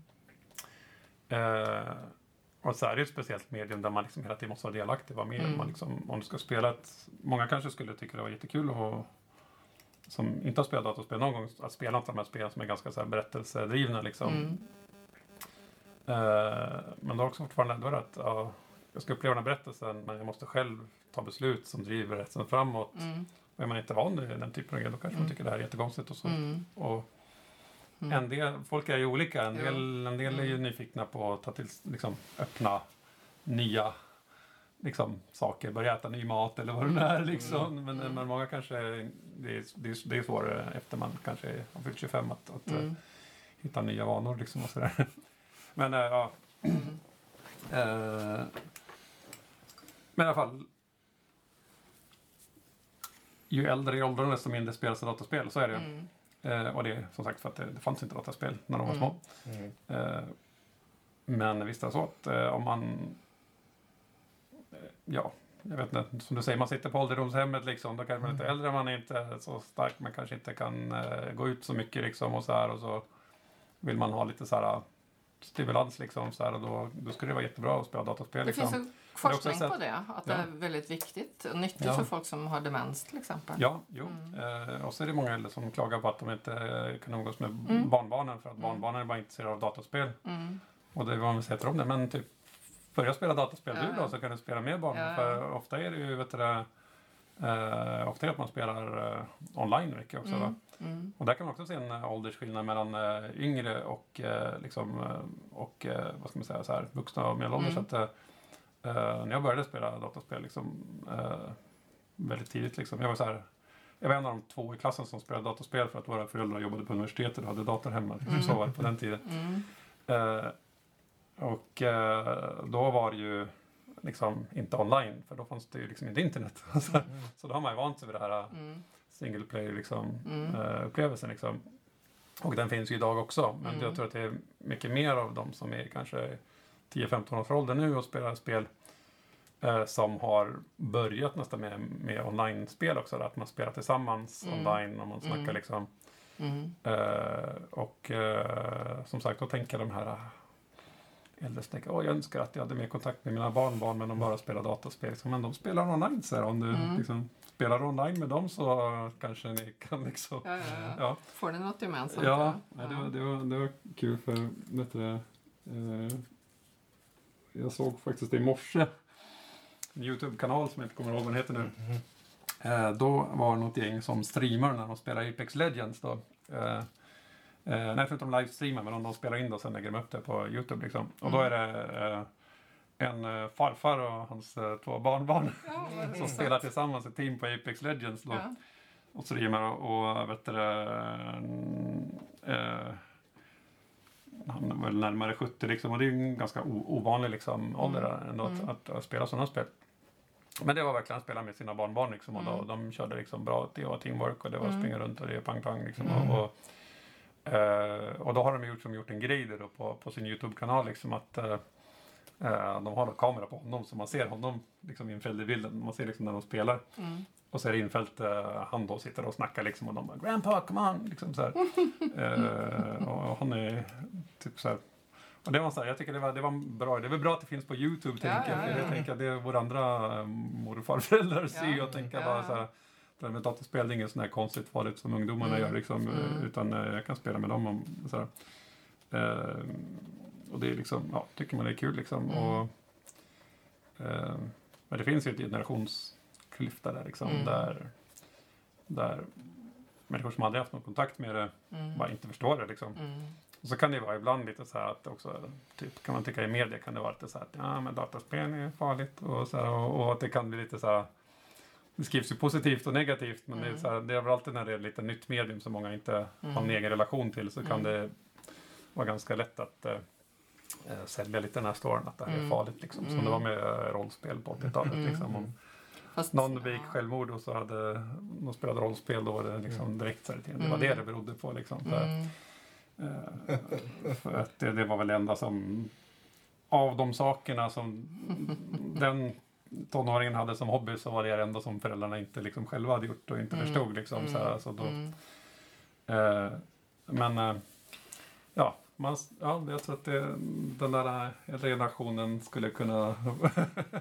Jag skulle kunna ha mycket glädje av det också. ja, absolut, precis. Eh, och, men det där är ju någonting som kommer sen. Liksom, Ja. liksom, typ, mm, till slut kommer det inte att finnas någon generation som inte har vuxit upp Nej, med dataspel. det. Så det blir ju som, Mm. med, som, med, som med film också. För jag, Mm. jag har ju... Det är ju, vet du det, jag är kompisar i min ålder som säger att ja, när de var små så fick de inte se på TV liksom, så här, för att TV var dåligt. Liksom, så här, Mm. och, eh, och då var det ändå på kanske till och med på en tid när det fanns två TV-kanaler. Det, Mm. det är liksom, hur dåligt den var så kan de inte ha blivit särskilt mycket utsatta. Nej.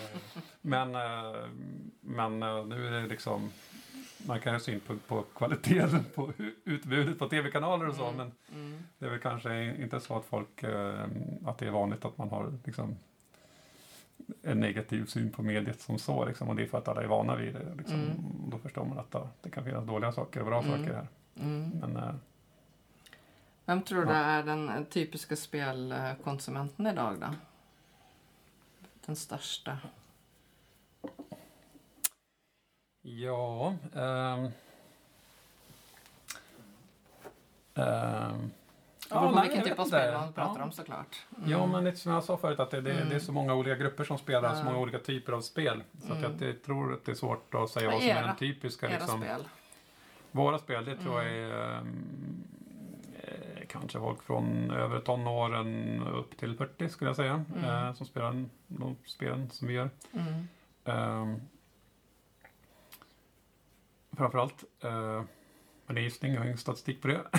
men, eh, eh, men sen så, jag tror att de, alltså det finns någon statistik man kan se och så kan man se liksom att vad skulle rent statistiskt vara den typiska dataspelaren. Då kanske Mm. är det typ, uh, vet du, uh, tvåbarnsförälder som på tunnelbanan liksom, som pendlar och spelar Candy Crush. Liksom. Så här, det det Mm. kan nog vara den, liksom, den typiska dataspelaren. Mm. Eh, och så kan det se olika ut i olika länder också. Att, eh, Mm. Nu, nu bor vi i Sverige och pratar i Sverige men, Mm. men eh, eh, ehm, världen är stor. Jo, och det är intressant också. Det är, för det är Mm. väldigt internationell liksom, de flesta spel. Mm. Det är ont om spel som spelas bara i ett land. Liksom. Det, ofta Mm. är det väldigt stor Mm. eh, internationell spridning på, på dem. Och då kanske inte är samma personer som spelar de här spelen i Storbritannien. Som Nej, nej, liksom men i- demografiskt ja. ja, precis. Spelar ni era egna spel? Och hur känns det att spela sitt eget spel när man har varit med och utvecklat det? Ja, eh, det är ju roligt. Det är ganska olika. Mm. En del gillar inte att spela det de har gjort och sådär. Men ja, man ska ju alltid spela det man jobbar med för att Mm. annars så vet man inte hur det ser ut. Mm. Och, eh, så det är ju en rent professionell sak. Sådär. Men sen kan det ju vara en del som kanske faktiskt, att man faktiskt nöjesspelar sitt eget spel som man har jobbat med. Det, det händer faktiskt. Det Mm. kanske inte alla tror men Mm. Eh, så är det. Det är inte alltid man jobbar med ett spel som är ens favoritgenre och sådär men eh, det är ganska olika. Jag, jag brukar väl alltid spela mina egna spel. Jag tycker ju om olika genrer och sånt där och eh, jag kan finna stort nöje i att spela saker som jag har utvecklat själv. Eh, det är inte så mycket överraskningar Nej, liksom. just det jag tänkte på. Men är det ändå kul eh, gameplay och man, man liksom... ehm, ehm, jo, det är att jag nöjesspelar själv hemma faktiskt. Mm. Eh, saker som jag själv har jobbat med. Ehm, och det, ja, känslan då är det typ så här, man vet det, man kanske tycker att oh, den här, jag har skrivit den här dialogen liksom och så lyssnar på och så det är inte så att eh, man är överraskad som sagt och det kan ju vara lite att man tycker om det för att man själv har suttit och jobbat med den kärleken till det liksom. Mm. Men, eh, men ja, det, det, man kan spela sina egna spel och ha kul med det. Liksom. det, Ja. det, Kan det man överraskas av, av sina egna spel? Finns det någon, mm, något lite utrymme för att det kan hända någonting som man inte har planerat för? Eh, absolut. Jag menar, det, är en sak som kan göra att spel uh, ger väldigt mycket värde till ett spel är ju liksom när man har eh, vad vi kallar för liksom emergent gameplay och Mhm. även från liksom, författarsidan också lite så emergent stories. Liksom. Och det är att sånt som inte är designat att hända precis på det här sättet men när olika saker, system i spelet eller olika berättelsespel sam, sammanfaller och samspelar med varandra på ett sätt som kan vara slumpmässigt och Mm. ibland oförutsett så händer Mm. det någonting, blir det no, någonting liksom, eh, nytt eller unikt. Mm. Som liksom, Mm. eh, och eh, alla spel som har en viss komplexitet så, så kan sådana saker hända. Och en del Mm. spel är ju designade för att det ska hända en massa sånt här. Mm. Eh, och jobbar jag mycket i Crusader Kings 2 till exempel som är ett strategispel men som har liksom också så här RPG roleplaying inslag liksom och det finns lite så här det uppstår en del berättelser kring karaktärerna liksom i spelet. Eh, det är ju specifikt gjort för att vi har vissa berättelser som vi skrev som ska liksom kunna hända och ha en olika känsla och utspelas på olika sätt beroende på vad liksom kontexten är i spelvärlden just då, vad som har hänt och liksom vilka de här personerna är som råkar ut för det här. Mm. Och där kunde det bli väldigt eh, otroligt coola såna här emergent stories då som, som, som eh, eh, när man liksom ser, tänker att ja, det där tänkte jag inte ens på att det kunde hända så här när jag Mm. skrev det här men liksom Mm. det, det spel eh, spelet är konstruerat på ett sånt sätt att, att, att, det- att det ska liksom eh, fungera på det sättet. Eh, den är ju skriven då för att vara dynamisk och vara intressant i olika situationer. Så här. Men sen när man då får de här, läs, läser då på, läste då på, på fanforumen liksom. Mm. Folk bara att åh det hände här, Jeanne d'Arc kom och så typ träffade den här personen som verkar vara någon sorts Devil Spawn och då hände de här konstiga sakerna. Mm. Och så utsåg jag henne till liksom, marskalk, men nu hände det här. Alltså vad folk då gör, för Mm. då blir hon en karaktär i spelet som Mm. interagerar med alla Mm. spelmekaniken och allting annat man kan Mm. göra, den här politiken och så. Så det blir otroligt många så här, unika historier Ja. med, med det här som är jätteroligt att Mm. se. så- Som man, inte, oftast, som man kanske inte själv hade kunnat förutse. Mm. Liksom. Så Mm. det är lite kul. Eh, eh, Jag har ju spelat lite, eh, eller spelat en hel del rollspel i min tid och vi har ju en snubbe i Uppsala som, eh, som är känd för rollspelare i Uppsala som heter Björn Wiklund som har skrivit en, sin egen anpassning av ett spel. Ja, det kallas DOV, hans, eh, Mm. hans spel då. Det är baserat på DOD. Och eh, han brukar alltid säga det när han skriver sina scenarion att, att spelarna gör aldrig det man har tänkt sig. Oavsett hur många olika upplösningar av ett scenario som man, som man har kunnat föreställa sig så gör spelarna alltid någonting helt annat. mm. Det går inte liksom att... Nej men det är Så- kul och det är ju Mm. som, eh, jag spelat mycket rollspel när jag var Mm. yngre och varit spelledare också. Men det är också en sak man, också lite så här policy man får sätta som spelledare. För en del spelledare kanske tycker att när man, man tillåter inte spelarna att ta ut svängarna för mycket Mm. Liksom. Medan det blir roligast om man, om man gör det såklart. Ja, att man kan improvisera Precis. under spelets gång som spelledare. Jo, men det blir Mm. mer arbete för Mm. spelledaren. Det kan bli mer Mm. arbete och mer flexibilitet. För Mm. att dels arbete för att man måste veta vad som händer Mm. om spelarna går iväg på den här tangenten. Då Mm. behöver du veta mycket mer om, om karaktärerna och liksom, Mm. eh, de olika grupperna liksom, i spelvärlden. Så Mm. För vad händer om spelarna ska få sin belöning från kungen och sen så Mm. skjuter de kungen istället. Ja. Man, man måste kunna snabbt räkna ut vad som Ja. händer då. Ja. Eh, Men det blir roligt för då får du ju, jag är stor fan av liksom karaktärsdrivet Mm. berättande överhuvudtaget i Mm. litteratur och film och spel också. Eh, Och eh, att det liksom, det är inte det här att det måste vara den här händelsesekvensen och sen är det någonting som karaktären upplever utan att man kanske börjar i den änden att här finns det liksom, det finns de här personerna, de här grupperna, de har olika saker som de vill ha, det finns olika konflikter och vad händer då? Liksom, Mm. man, man börjar i den änden med, med berättandet. Liksom. Mm. Så tycker jag om att jag tycker om att läsa sånt och jag tycker om att jobba så själv också. Mm. Mm. Eh, och det får man ju med rollspel med, Mm. med den eh, Mm. eh, den typen av spelledare då, som, Mm. som, som eh, han verkar vara. Som Mm. jag tycker är väldigt kul att spela med. Att Mm. det ger så mycket mera... Eh, det blir mycket... Det förstärker elementet av eh, kollaborativt Mm. berättande liksom, Mm. som är så fantastiskt med rollspel. Där, liksom, Mm. Man kan göra vad som helst. Och, Mm. och, och eh, rollfigurernas... Eh, vad de hittar på, det är det som Mm. driver Jo, Historien, liksom. det. Ja. Ja. Ehm, men det är ju svårt att göra dataspel va? Ja, för det, man måste liksom Mm. förbereda för alla de här olika. Det, det kan inte bara komma ur spelledarens eh, ord som bygger världen utan du måste Mm. ju. alla de här programmerarna och grafikerna och Mm. skådespelarna. Det måste, allt det där måste vara förberett. Så Ja, där, är, Mm. där är det ju... Har du den eh, begränsningen? Ja, i dataspel har man en Mm. begränsning och då Mm. handlar det mycket om att liksom... Eh, men det finns många bra spel som kan ge ganska mycket vad vi då kallar player agency då när vi designar sånt här. Mm. Där man eh, försöker ändå eh, ge flera vägar åt spelaren att välja berättelsen Mm. Eh, och sen så kanske man lägger mer krut på de här, göra lite större intressanta val men man kommer ju aldrig ha helt frihet för att det, Mm. det går inte liksom Mm. när maskinen måste finnas på plats liksom i spelet. Mm.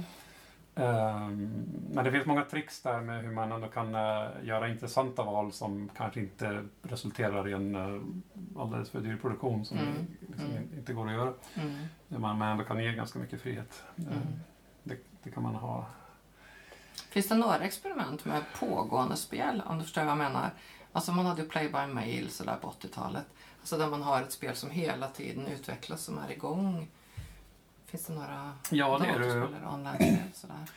Jo, men det är ju... eh, det finns en del MMOs som, som har ändå det där... eh, Nej, inte bara. Alltså, eh, Jag menar där spelet utvecklas under gången i Ja. samarbete med spelarna. eh, inte alltid så mycket spelardrivet kanske. Mm. Men eh, EVE Online är ett väldigt intressant exempel. Det är Mm. ett MMO där man liksom kör runt i rymdskepp och eh, handlar och krigar och, och upptäcker och så. Och det är en stor galax och alla spelare som spelar det spelet spelar i samma liksom, världsinstans. Liksom. Mm. Mm. Och jag vet inte hur många spelare de har haft som mest men det är liksom jag kommer inte alls ihåg siffrorna nu men, men säg 100 000 personer som lever i samma liksom, Mm. SF-galax. Liksom. Mm. Och eh, där så försöker man designa det så att eh, systemet ska finnas där, det ska finnas lite grundläggande berättelser liksom, när man börjar spelet. Men sen så alla de stora grejerna som händer i världen ska vara spelardrivna och ekonomin ska vara driven av spelare som vill liksom... Eh, eh, och eh, där har de väl mer varierande framgång över tid tror jag. Försökt liksom reagera på vad spelarna tar se vad spelarna tar för initiativ Ja. och så försöka liksom utveckla spelet och förstärka de sakerna. Mm. Liksom. Ehm, så det är ett exempel. eh, Jag, tänk, ja. jag tänker att man skulle kunna ha ett spel där en av spelarna spelar spelet. Är det en Att en av spelarna spel, är den som spelar spelet eller som liksom som driver driver själva spelet. Ja. ut, Att man utvecklingen. Liksom. tu- Turas om, ja, utvecklingen. Mm, att det är realtid. Ja. Mm. Eh, det jag tänker på det är vet du, MUDs. Liksom. Ja, ja, ja. ja, jag har spelat på Multi-user 80-talet. dimensions, ja, Ja. precis. På Eh, universitetet i Oslo. För där är det ju väldigt mycket att uh, några personer som bygger spelet för att de är spelare själva och så spelar de men de är också samma personer som utvecklar spelet. Och sen Mm. så har man nya spelare kommer in, spelar, lär sig spelet så bra och så kan de bli ombedda, skulle inte du vilja vara med och liksom Mm. koda och designa nytt content till spelet liksom? Och så blir det som att skaparna och eh, spelarna är liksom ja, Mm. Symbios. i symbios och Mm. i vissa fall också samma personer. Liksom. Ehm, och jag spelar under många ett, ett spel som heter Genesis LP Mud Mm. som är fantasybaserat och ganska så här, roll, rollspelande fokuserat också. Och där var det ju verkligen så att eh, eh, de som då liksom designar och kodar spelet kallas för Wizards där då. Mm. Eh, och alla andra då spelar eh, eh, det är liksom folk som spelar spelet mycket och säger ja, jag skulle vilja att det här finns liksom. Och de snackar om det och så men, men då kan väl du bli en wizard och så bygger du det här. Så ja, det ska jag göra liksom. Ja. Och sen så börjar de spela en Mortal-karaktär igen och spelar sakerna som... Alltså, och då är det verkligen... Och det spelet är inte kommersiellt utan är från början Mm. liksom ideellt. Mm. Och finns ju kvar liksom. Och eh, när den teknologin blev för gammal där. Eh, alltså, eller teknologin blev för gammal. Helt enkelt att eh, datorn, serv, som, som Mm. serven, Mm. alltså serverdatorn som spelet kördes på, började bli för seg. Och liksom, eh, så här, eh, då så eh, skramlades det liksom, så här, alla spelen bara, men nu, då sätter vi upp någon donation här liksom. Och folk donerade typ en hundring var till någon person Mm. som de inte vet vem det är i något annat land, men typ Mm. så här hundra spänn. Och så, Mm. Men liksom det fanns, folk kände redan varandra Mm. kring det. Och det spelas ju av folk så här, i USA, Sverige, liksom, Sydamerika, Mm. överallt liksom. Eh, men det kommer från början, eh, startades på Chalmers i Göteborg. Mm. Och den datorn stod på Chalmers dataförening i Göteborg i många år. Men sen så var det väl så att det var väl ingen där längre som höll på med det där. Så här står en dator och så typ fanns det någon så här... Någon var medveten om att det här har någon sorts betydelse. Men, men eh, så nu kommer jag inte ihåg vad den står. Det står hemma hos någon. Den finns kvar? Ja, ja precis.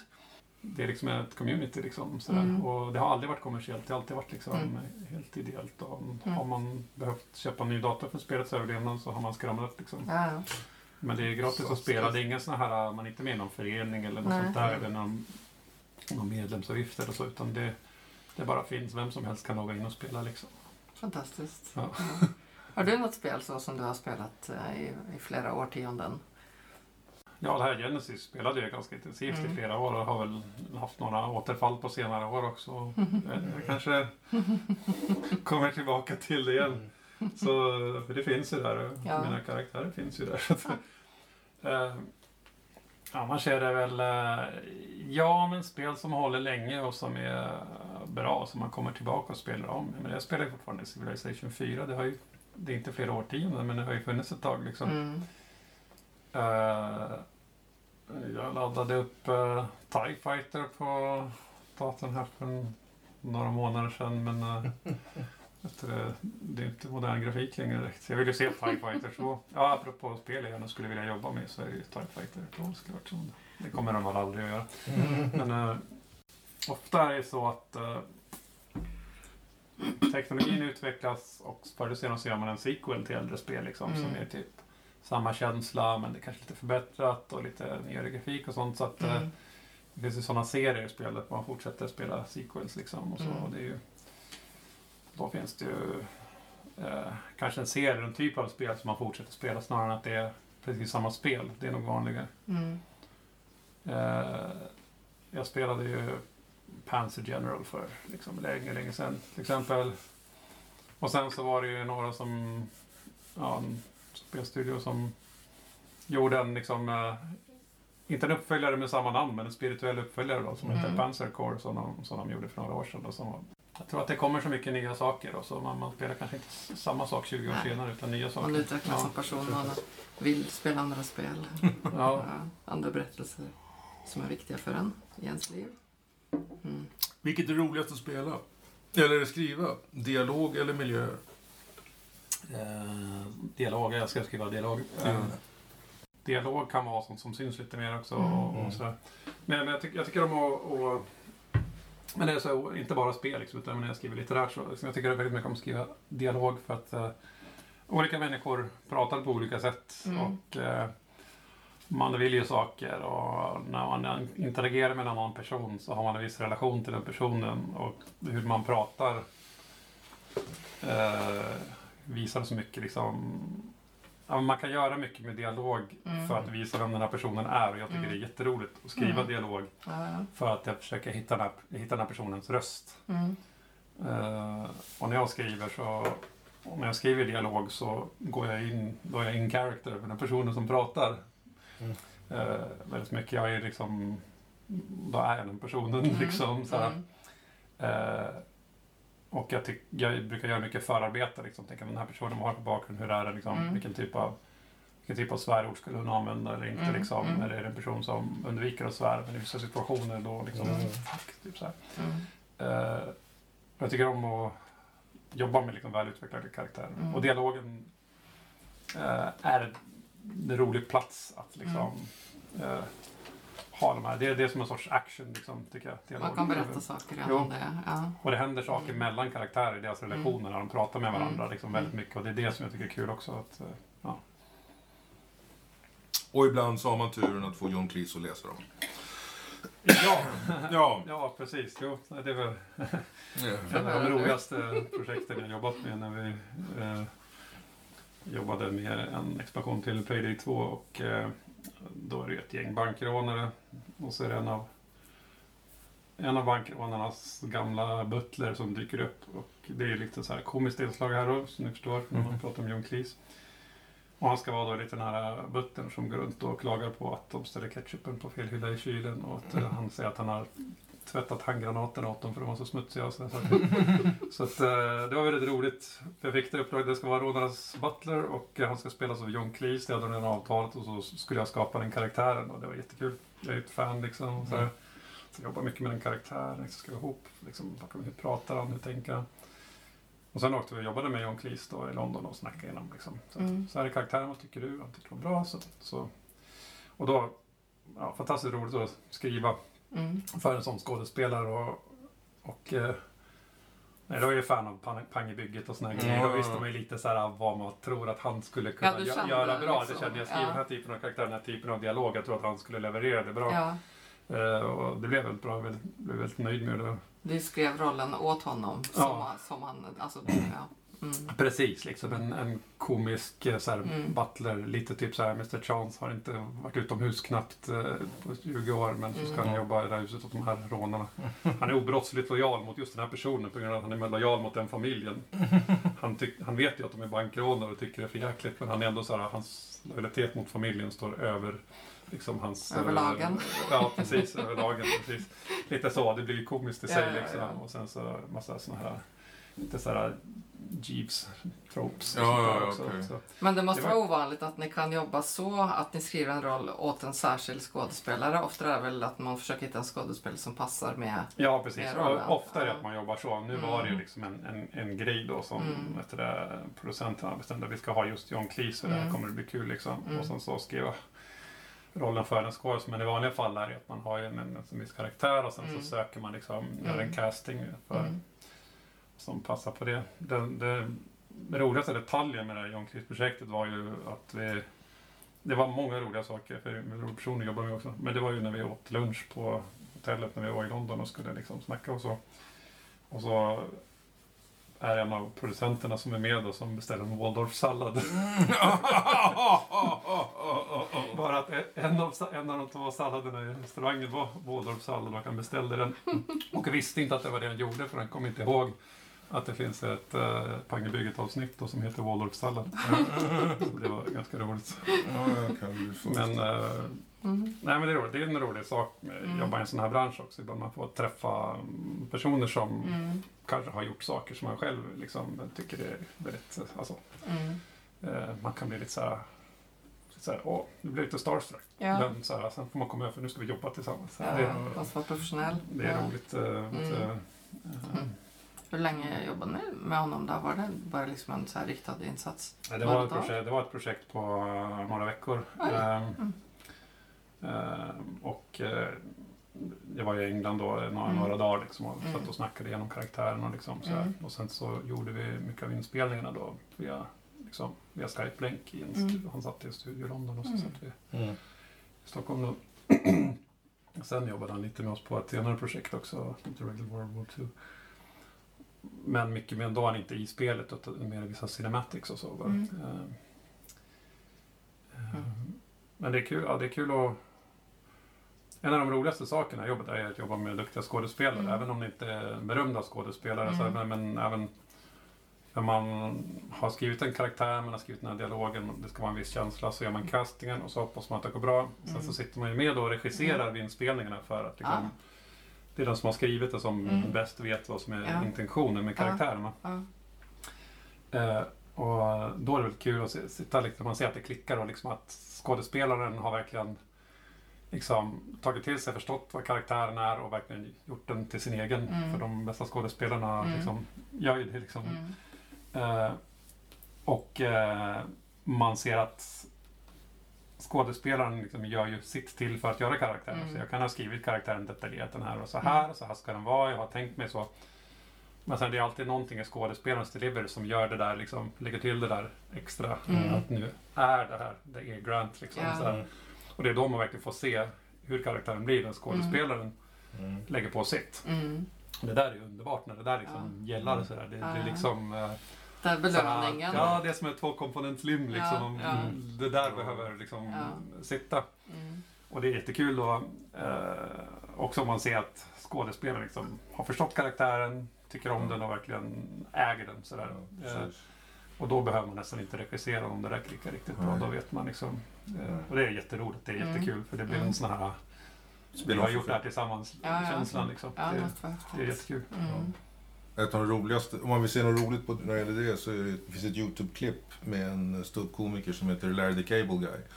Och han var känd som amerikansk bondkomiker. Och eh, sen var det några som sa det, jag tror att han skulle vara bra att spela den här Meter i filmen Cars. Den här boxerbilen. Och han sa, åh jag ska få med en Pixar-film. Han var så jävla glad och han åkte dit. Och så spelade han in rösten. Och så gick det över ett år. Och så ringde de och han frågade sin agent, vad fan hände med filmen? Jag vet inte, jag ska ta reda på det. Då fick han reda på att animatörerna älskade hans röst så de hade skrivit mer manus. Och medan han berättar det här så blir han, han sitter och gråter. För han visste inte hur älskad han var. Så och har ni sett den här Mater, I'm Mater. Ah, liksom, och, och sen så får man se då hur, han, hur, den här karaktären växte mer och mer. Och nu har de gjort Cars 3, någonting Ja. sånt där.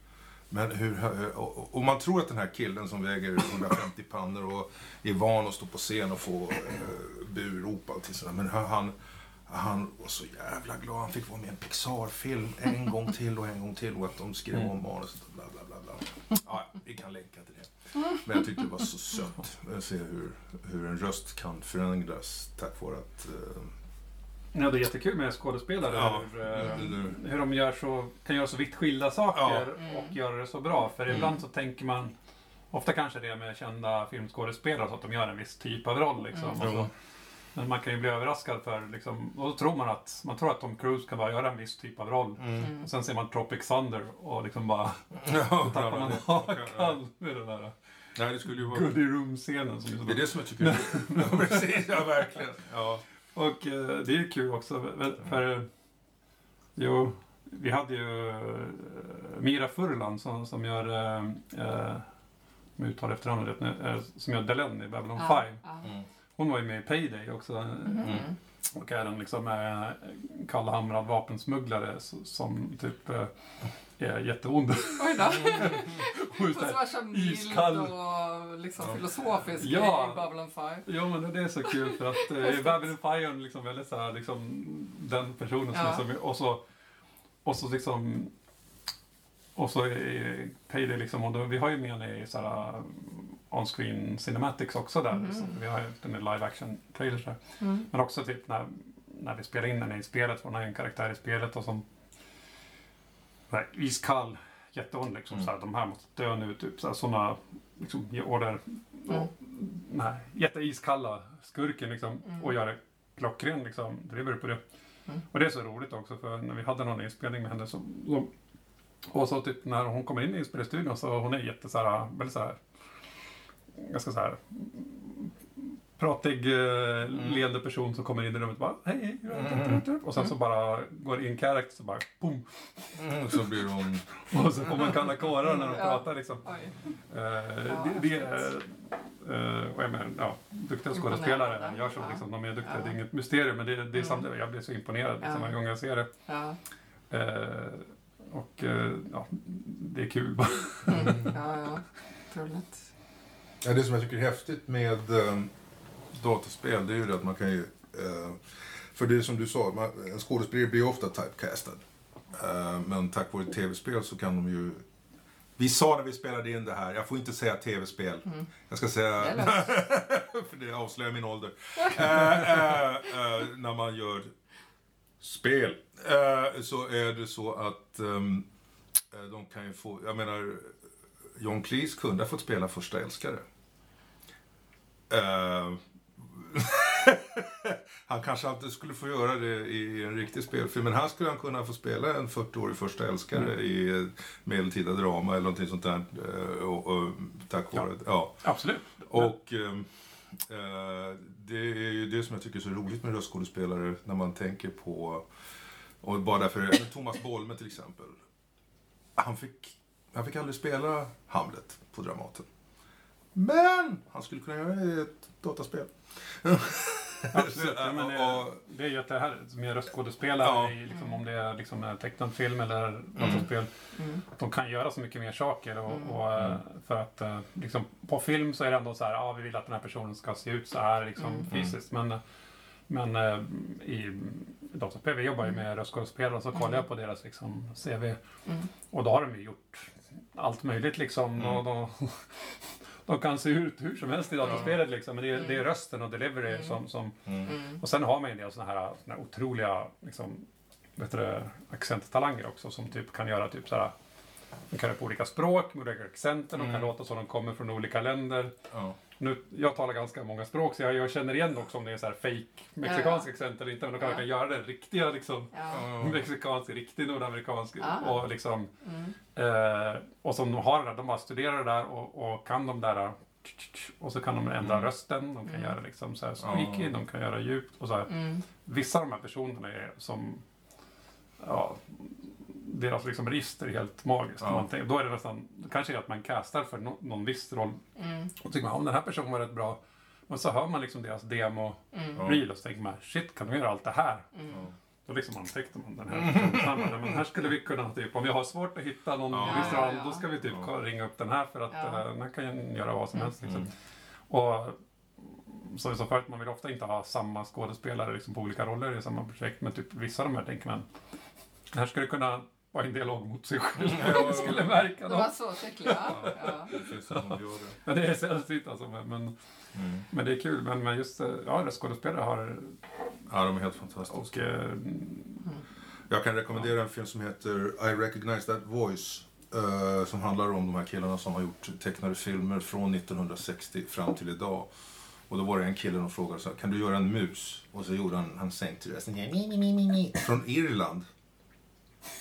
Och sen, han tänkte väl i tre sekunder. Och så gjorde han en irländsk mus. Och så sa han, som är enbent. Ja, och då liksom gjorde han dialogen och så när han gick i korridoren så ändrade han rösten på varannat steg. Så att man hörde att det blir annorlunda på lungorna när han går. Så det var liksom, han, med rösten kunde han göra en irländsk enbent mus. Och det var liksom, okej, du är duktig. Så att, ehm, ja. Ja. Det, det var liksom så här, okej. det var så kul att se hur de, kunde, hur de tänkte. vad ska man säga, den här inlevelsen liksom. Ja, och, och, att, eh, eh, Använda att, rösten eh, som ett instrument. Ja, nästan. precis. Ja. Också att, Mm. eh, jag tror det handlar mycket att de liksom transporterar sig själva mentalt också. Ja. Nu är jag musen liksom, så här på något sätt. Mm. Ja. Eh, Jag glömde bort vad han heter nu, Oldman. men att kan göra en sån där... Ja. Ja, okej. ja. Ja, han, han, då frågade jag honom, för han vann ju en Oscar förra året för... ehm, Ja, vad hette den? Han spelade Churchill. Eh, The Darkest Hour. Mm. Han spelade The Darkest Hour. Så frågade de, är det här din svåraste roll i år? Han bara, nej. Och då hade han varit med i ett andra världskrigsspel. Och stått och i två veckor liksom Look out for the grenades! Look out for the grenades! Look out for the grenades! Och så hade de klippt. Han hade liksom gjort olika röster Ja. och, och stått och skrikit i den jävla mikrofonen. Jag vet inte hur mycket. Och han sa att nu ska jag göra den här rollen rädd. Nu ska jag göra den här rollen rädd som adelsman. Nu ska jag göra den här rollen rädd som en cockney. Han, var- han sa han var helt jävla utpumpad. Han sa det var jobbigt. Mm. Men att spela, liksom sitta i makeup-stol och, och, och käka ost medan de la på fyra timmar makeup, det var, ja det är en baggis. Ja. Nej, men det, är- det är mycket repetition alltså. Och, och de är inte, menar inte repetition som att man tränar in strength, utan att man upprepar, man spelar in Ja. liksom. Mm. Ja, i många spel, framförallt liksom action, Mm. om det säger så här, actionspel, då, liksom, se upp för granaten liksom. Mm. Då antar jag samma karaktär måste antagligen ha typ fem sex olika variationer Ja. på samma också. För att eh, om eh, folk kastar granater mot honom fem gånger och han säger det på Mm. exakt samma, då tappar man direkt immersion. För har man, Mm. ja. så att eh, det, det är mycket sånt. Och, och Det är kul. när, när vi spelar in liksom, så här, en del av det här är liksom mer vad ska man säga, narrativ dialog. Mm. Liksom, att, Mm. ja, nu säger man så, alltså, det är någonting. Men, men sen när, och nu vill vi att du ska typ eh, hosta på olika sätt, 20 Mm. variationer, typ så här. och eh, i Walking Dead så har vi någonting också, typ om det blir för mycket gore så är det vissa eh, fall kan uh, zombierna explodera liksom. Mm. Och så blir det bara en stor pöl med blod och, och tarmar på marken. Ja. Om spelaren går i den här då, då liksom är det lite svårt att gå där. Och en sak som vi har då är att liksom, då, då ska man också då är det, det här, dels att det ska kommuniceras till spelaren vad som händer, att man får förklara till varför det går Mm. långsamt helt plötsligt. Och den andra också att det ska vara liksom, Mm. inlevelse. Så då när de går där ska de se, som att de kvälls liksom, nästan spyr. Mm. Det är ganska roligt när man sitter på inspelningssessionen så förklarar bara Ja, nu är det så här, de här... Så står det kanske i manuset bara typ så här feeling sick typ eller någonting Ja. så här random sounds. Typ. Man måste förklara då för skådespelaren då. Ja, men nu går det liksom så här, det är en zombie som exploderar och det är så äckligt. Och du ser ju zombie hela tiden, men nu är det så här riktigt äckligt. Ja. Typ så här. Och så ska bara... Oh, oh shit! Så det är jätteroligt eh, när man ska spela in sådana saker. jag kan livligt föreställa mig. Och det är sånt när man själv sitter och spelar spelet sen då, så typ sitter man och skrattar varje gång det Ja, kommer, ja, ja, kommer ihåg hur det. Ja, ja, ja. Men det är så himla viktigt, tänker jag, om man, som du säger, att man sitter och spelar in många ljud Mm. som ska användas vid olika tillfällen. Att det blir rätt intonation, och så annars låter det ju som en GPS. Liksom. Mm. Jo, precis. Så, det Och det får liksom inte vara exakt samma, det Nej. måste vara lite variation. Mm. För om liksom, det här händer fyra gånger och det är Mm. exakt samma Mm. ljud, så då, då känner man igen Ja, att det här köper är... man inte det. Nej, då köper man inte. Och det är bara för är grinigare. Ja. För- Jag vet inte om du har sett filmen Den längsta dagen. En stor film med John Wayne, Peter Fonda, bla bla bla. bla. Ja, just det. Det, är samma rikoschettljud. I den här. Det är samma ljud Ja. om och om igen. Och man efter ett tag så liksom man... Fan vad bortskämda vi är idag. Liksom. Ja, jag kommer ihåg den gamla helikopterserien Airwolf. Som Ja, typ, ja, ja. hade typ, åkte runt med helikoptrar och sköt saker och så var det samma explosion varje. Typ. Ja, ja. Det känner man ju igen och typ, jag var inte Mm. gammal när jag såg den. Eh, Mm. vilket nog var varför jag orkar se den. Men, eh, men eh, eh, redan då kände man igen liksom, när det är samma explosioner hela tiden. Liksom, Mm. vad, vad det Folk hade Eh. lite mer begränsade ljudbibliotek, Ja. tror jag. Jag tror de hade, nej men det var liksom så här, bilden också. Alltså Ah, film, okej. Men Ah. eh, jo, ganska, ja. Ja, men folk var... Wilhelm Screen, det blir lite ett internskämt. Jo, jo, jo. Men, eh, Ja, men alla nej, telefoner men det, ringde, hade samma ringsignal fram till 1983. Utropet för sjukhus. Ja, den ja, var ju ja, samma också. samma liksom. sak. Återkommer i film efter Mm. film. Mm. Jag kan ja, rekommendera... men jag tror att just den grejen, och en del såna grejer, Hollywood Screen, det har ju blivit internskämt Ja, också. ja, att man ja, liksom, det är inte dyrt att Nej. spela in ett unikt scream här, men det blir Mm. liksom ett så här internskämt för de som Mm. jobbar med det. För att, Mm. eh, Ja. och jag tror att större delen av publiken märker det inte. Det är typ en, Nej, det det har blivit en grej för att vissa har märkt och så har det blivit Mm. en Och på tal om ljud. Vi tal om tid. Och på tal om tid. Längsta inspelningen, vad var det med? Ja, jag tror det. Jag är. Vill du runda av med någonting här innan Mm. vi eh, kastar in handduken? Har du denna famous last word? famous last words. Det låter lite... Har du Får säga någonting? Var det en last level boss? Som Är det någonting som du vill eh, lyfta fram som vi inte har pratat om? Eh, ja... Nej, jag vet det. Jag tycker jag har pratat gan- ganska mycket. Mm. Men eh, jag vet inte. Eh, Du skriver böcker själv? ja, jag skriver lite noveller och sånt där. Mm. Och, och, och ehm, Mm. det blir lite SF och fantasy och, och Mm. sånt. Sk- Skräck säger folk ibland. Jag tror att det är fantasy. Men, eh, men det... det mm, vet, du, många som jobbar i spelbranschen kommer ju från eh, så här, filmskolebakgrund och sen Mm. kommer mer från litterär bakgrund. Vilket Mm. är bra, tror jag. Mm. Jag tror att uh, det här visuella från film har man ju i spel också. Men det tror jag man får i branschen. Jag tror det är bra. Lite mer storytelling. Fokus att komma från det hållet. Men eh, ja, jag vet inte avrundningsmässigt. Det finns eh, många bra spel. Eh, jag är författare och jag tycker om storytelling-spel. Det finns många bra spel som har bra storytelling. Och mycket mer än kanske folk tror. Många sådana här stora storbudgetspel som har väldigt bra karaktär och storytelling. Assassin's Creed och, och de serierna har. Vet till exempel. Det finns mycket out there. Mm. Ja, det Vad skulle du rekommendera då? Om man, in, om man inte spelat något era-spel? Vilket ska man välja? Ehm, utifrån uh, allmänt bara bra spel. Nej, jag tycker väldigt mycket om Elder Scrolls-serien, eh, Skyrim, uh, de spelen. Eh, jag tycker väldigt mycket om Assassin's Creed som jag redan har nämnt. Eh, jag tycker väldigt mycket om uh, Mass Effect 1, 2 3 Mm. Eh, det är lite för att jag tycker om de här stora spelen som är väldigt episka liksom i, i scope överhuvudtaget. Mm, Men eh, de har också de har bra storytelling, bra karaktärer och liksom väldigt bra upplevelse på så vis. Eh, det är den typen av spel jag tycker om. Så, Mm. Och vi nu är inne med lite på sånt som knyter an till det jag jobbar Mm. med. Liksom. Mm. Ehm, ehm, vad ska jag säga? Grand Theft Auto är känt mest för kontroverser och sånt där. Att det liksom är skurkar och sånt där. Men det är otroligt välskrivna spel. Det är bland det bästa liksom, Mm. karaktärsdesign och dialog och sånt som jag har sett någonsin i, i mediet. Så att, eh, Mm. eh, man kan eh, eh, få uppfattningen att det är en annan typ av spel ibland. Om man inte Mm.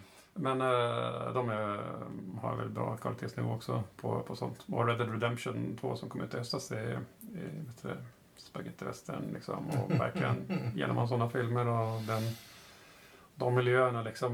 Eh, så är det fantastiskt bra också. Och Mm. mycket bra, väldigt bra karaktärer och Mm. otroligt bra skrivet. Mm. Då så. Ja, då. Då får vi tacka Tobias för att han... Tack för att du kom hit idag. Ja. Och så får vi se vad som händer härnäst. Mm. Tack så mycket. Ja, hej då. Tack Hej då. själva. Hej då.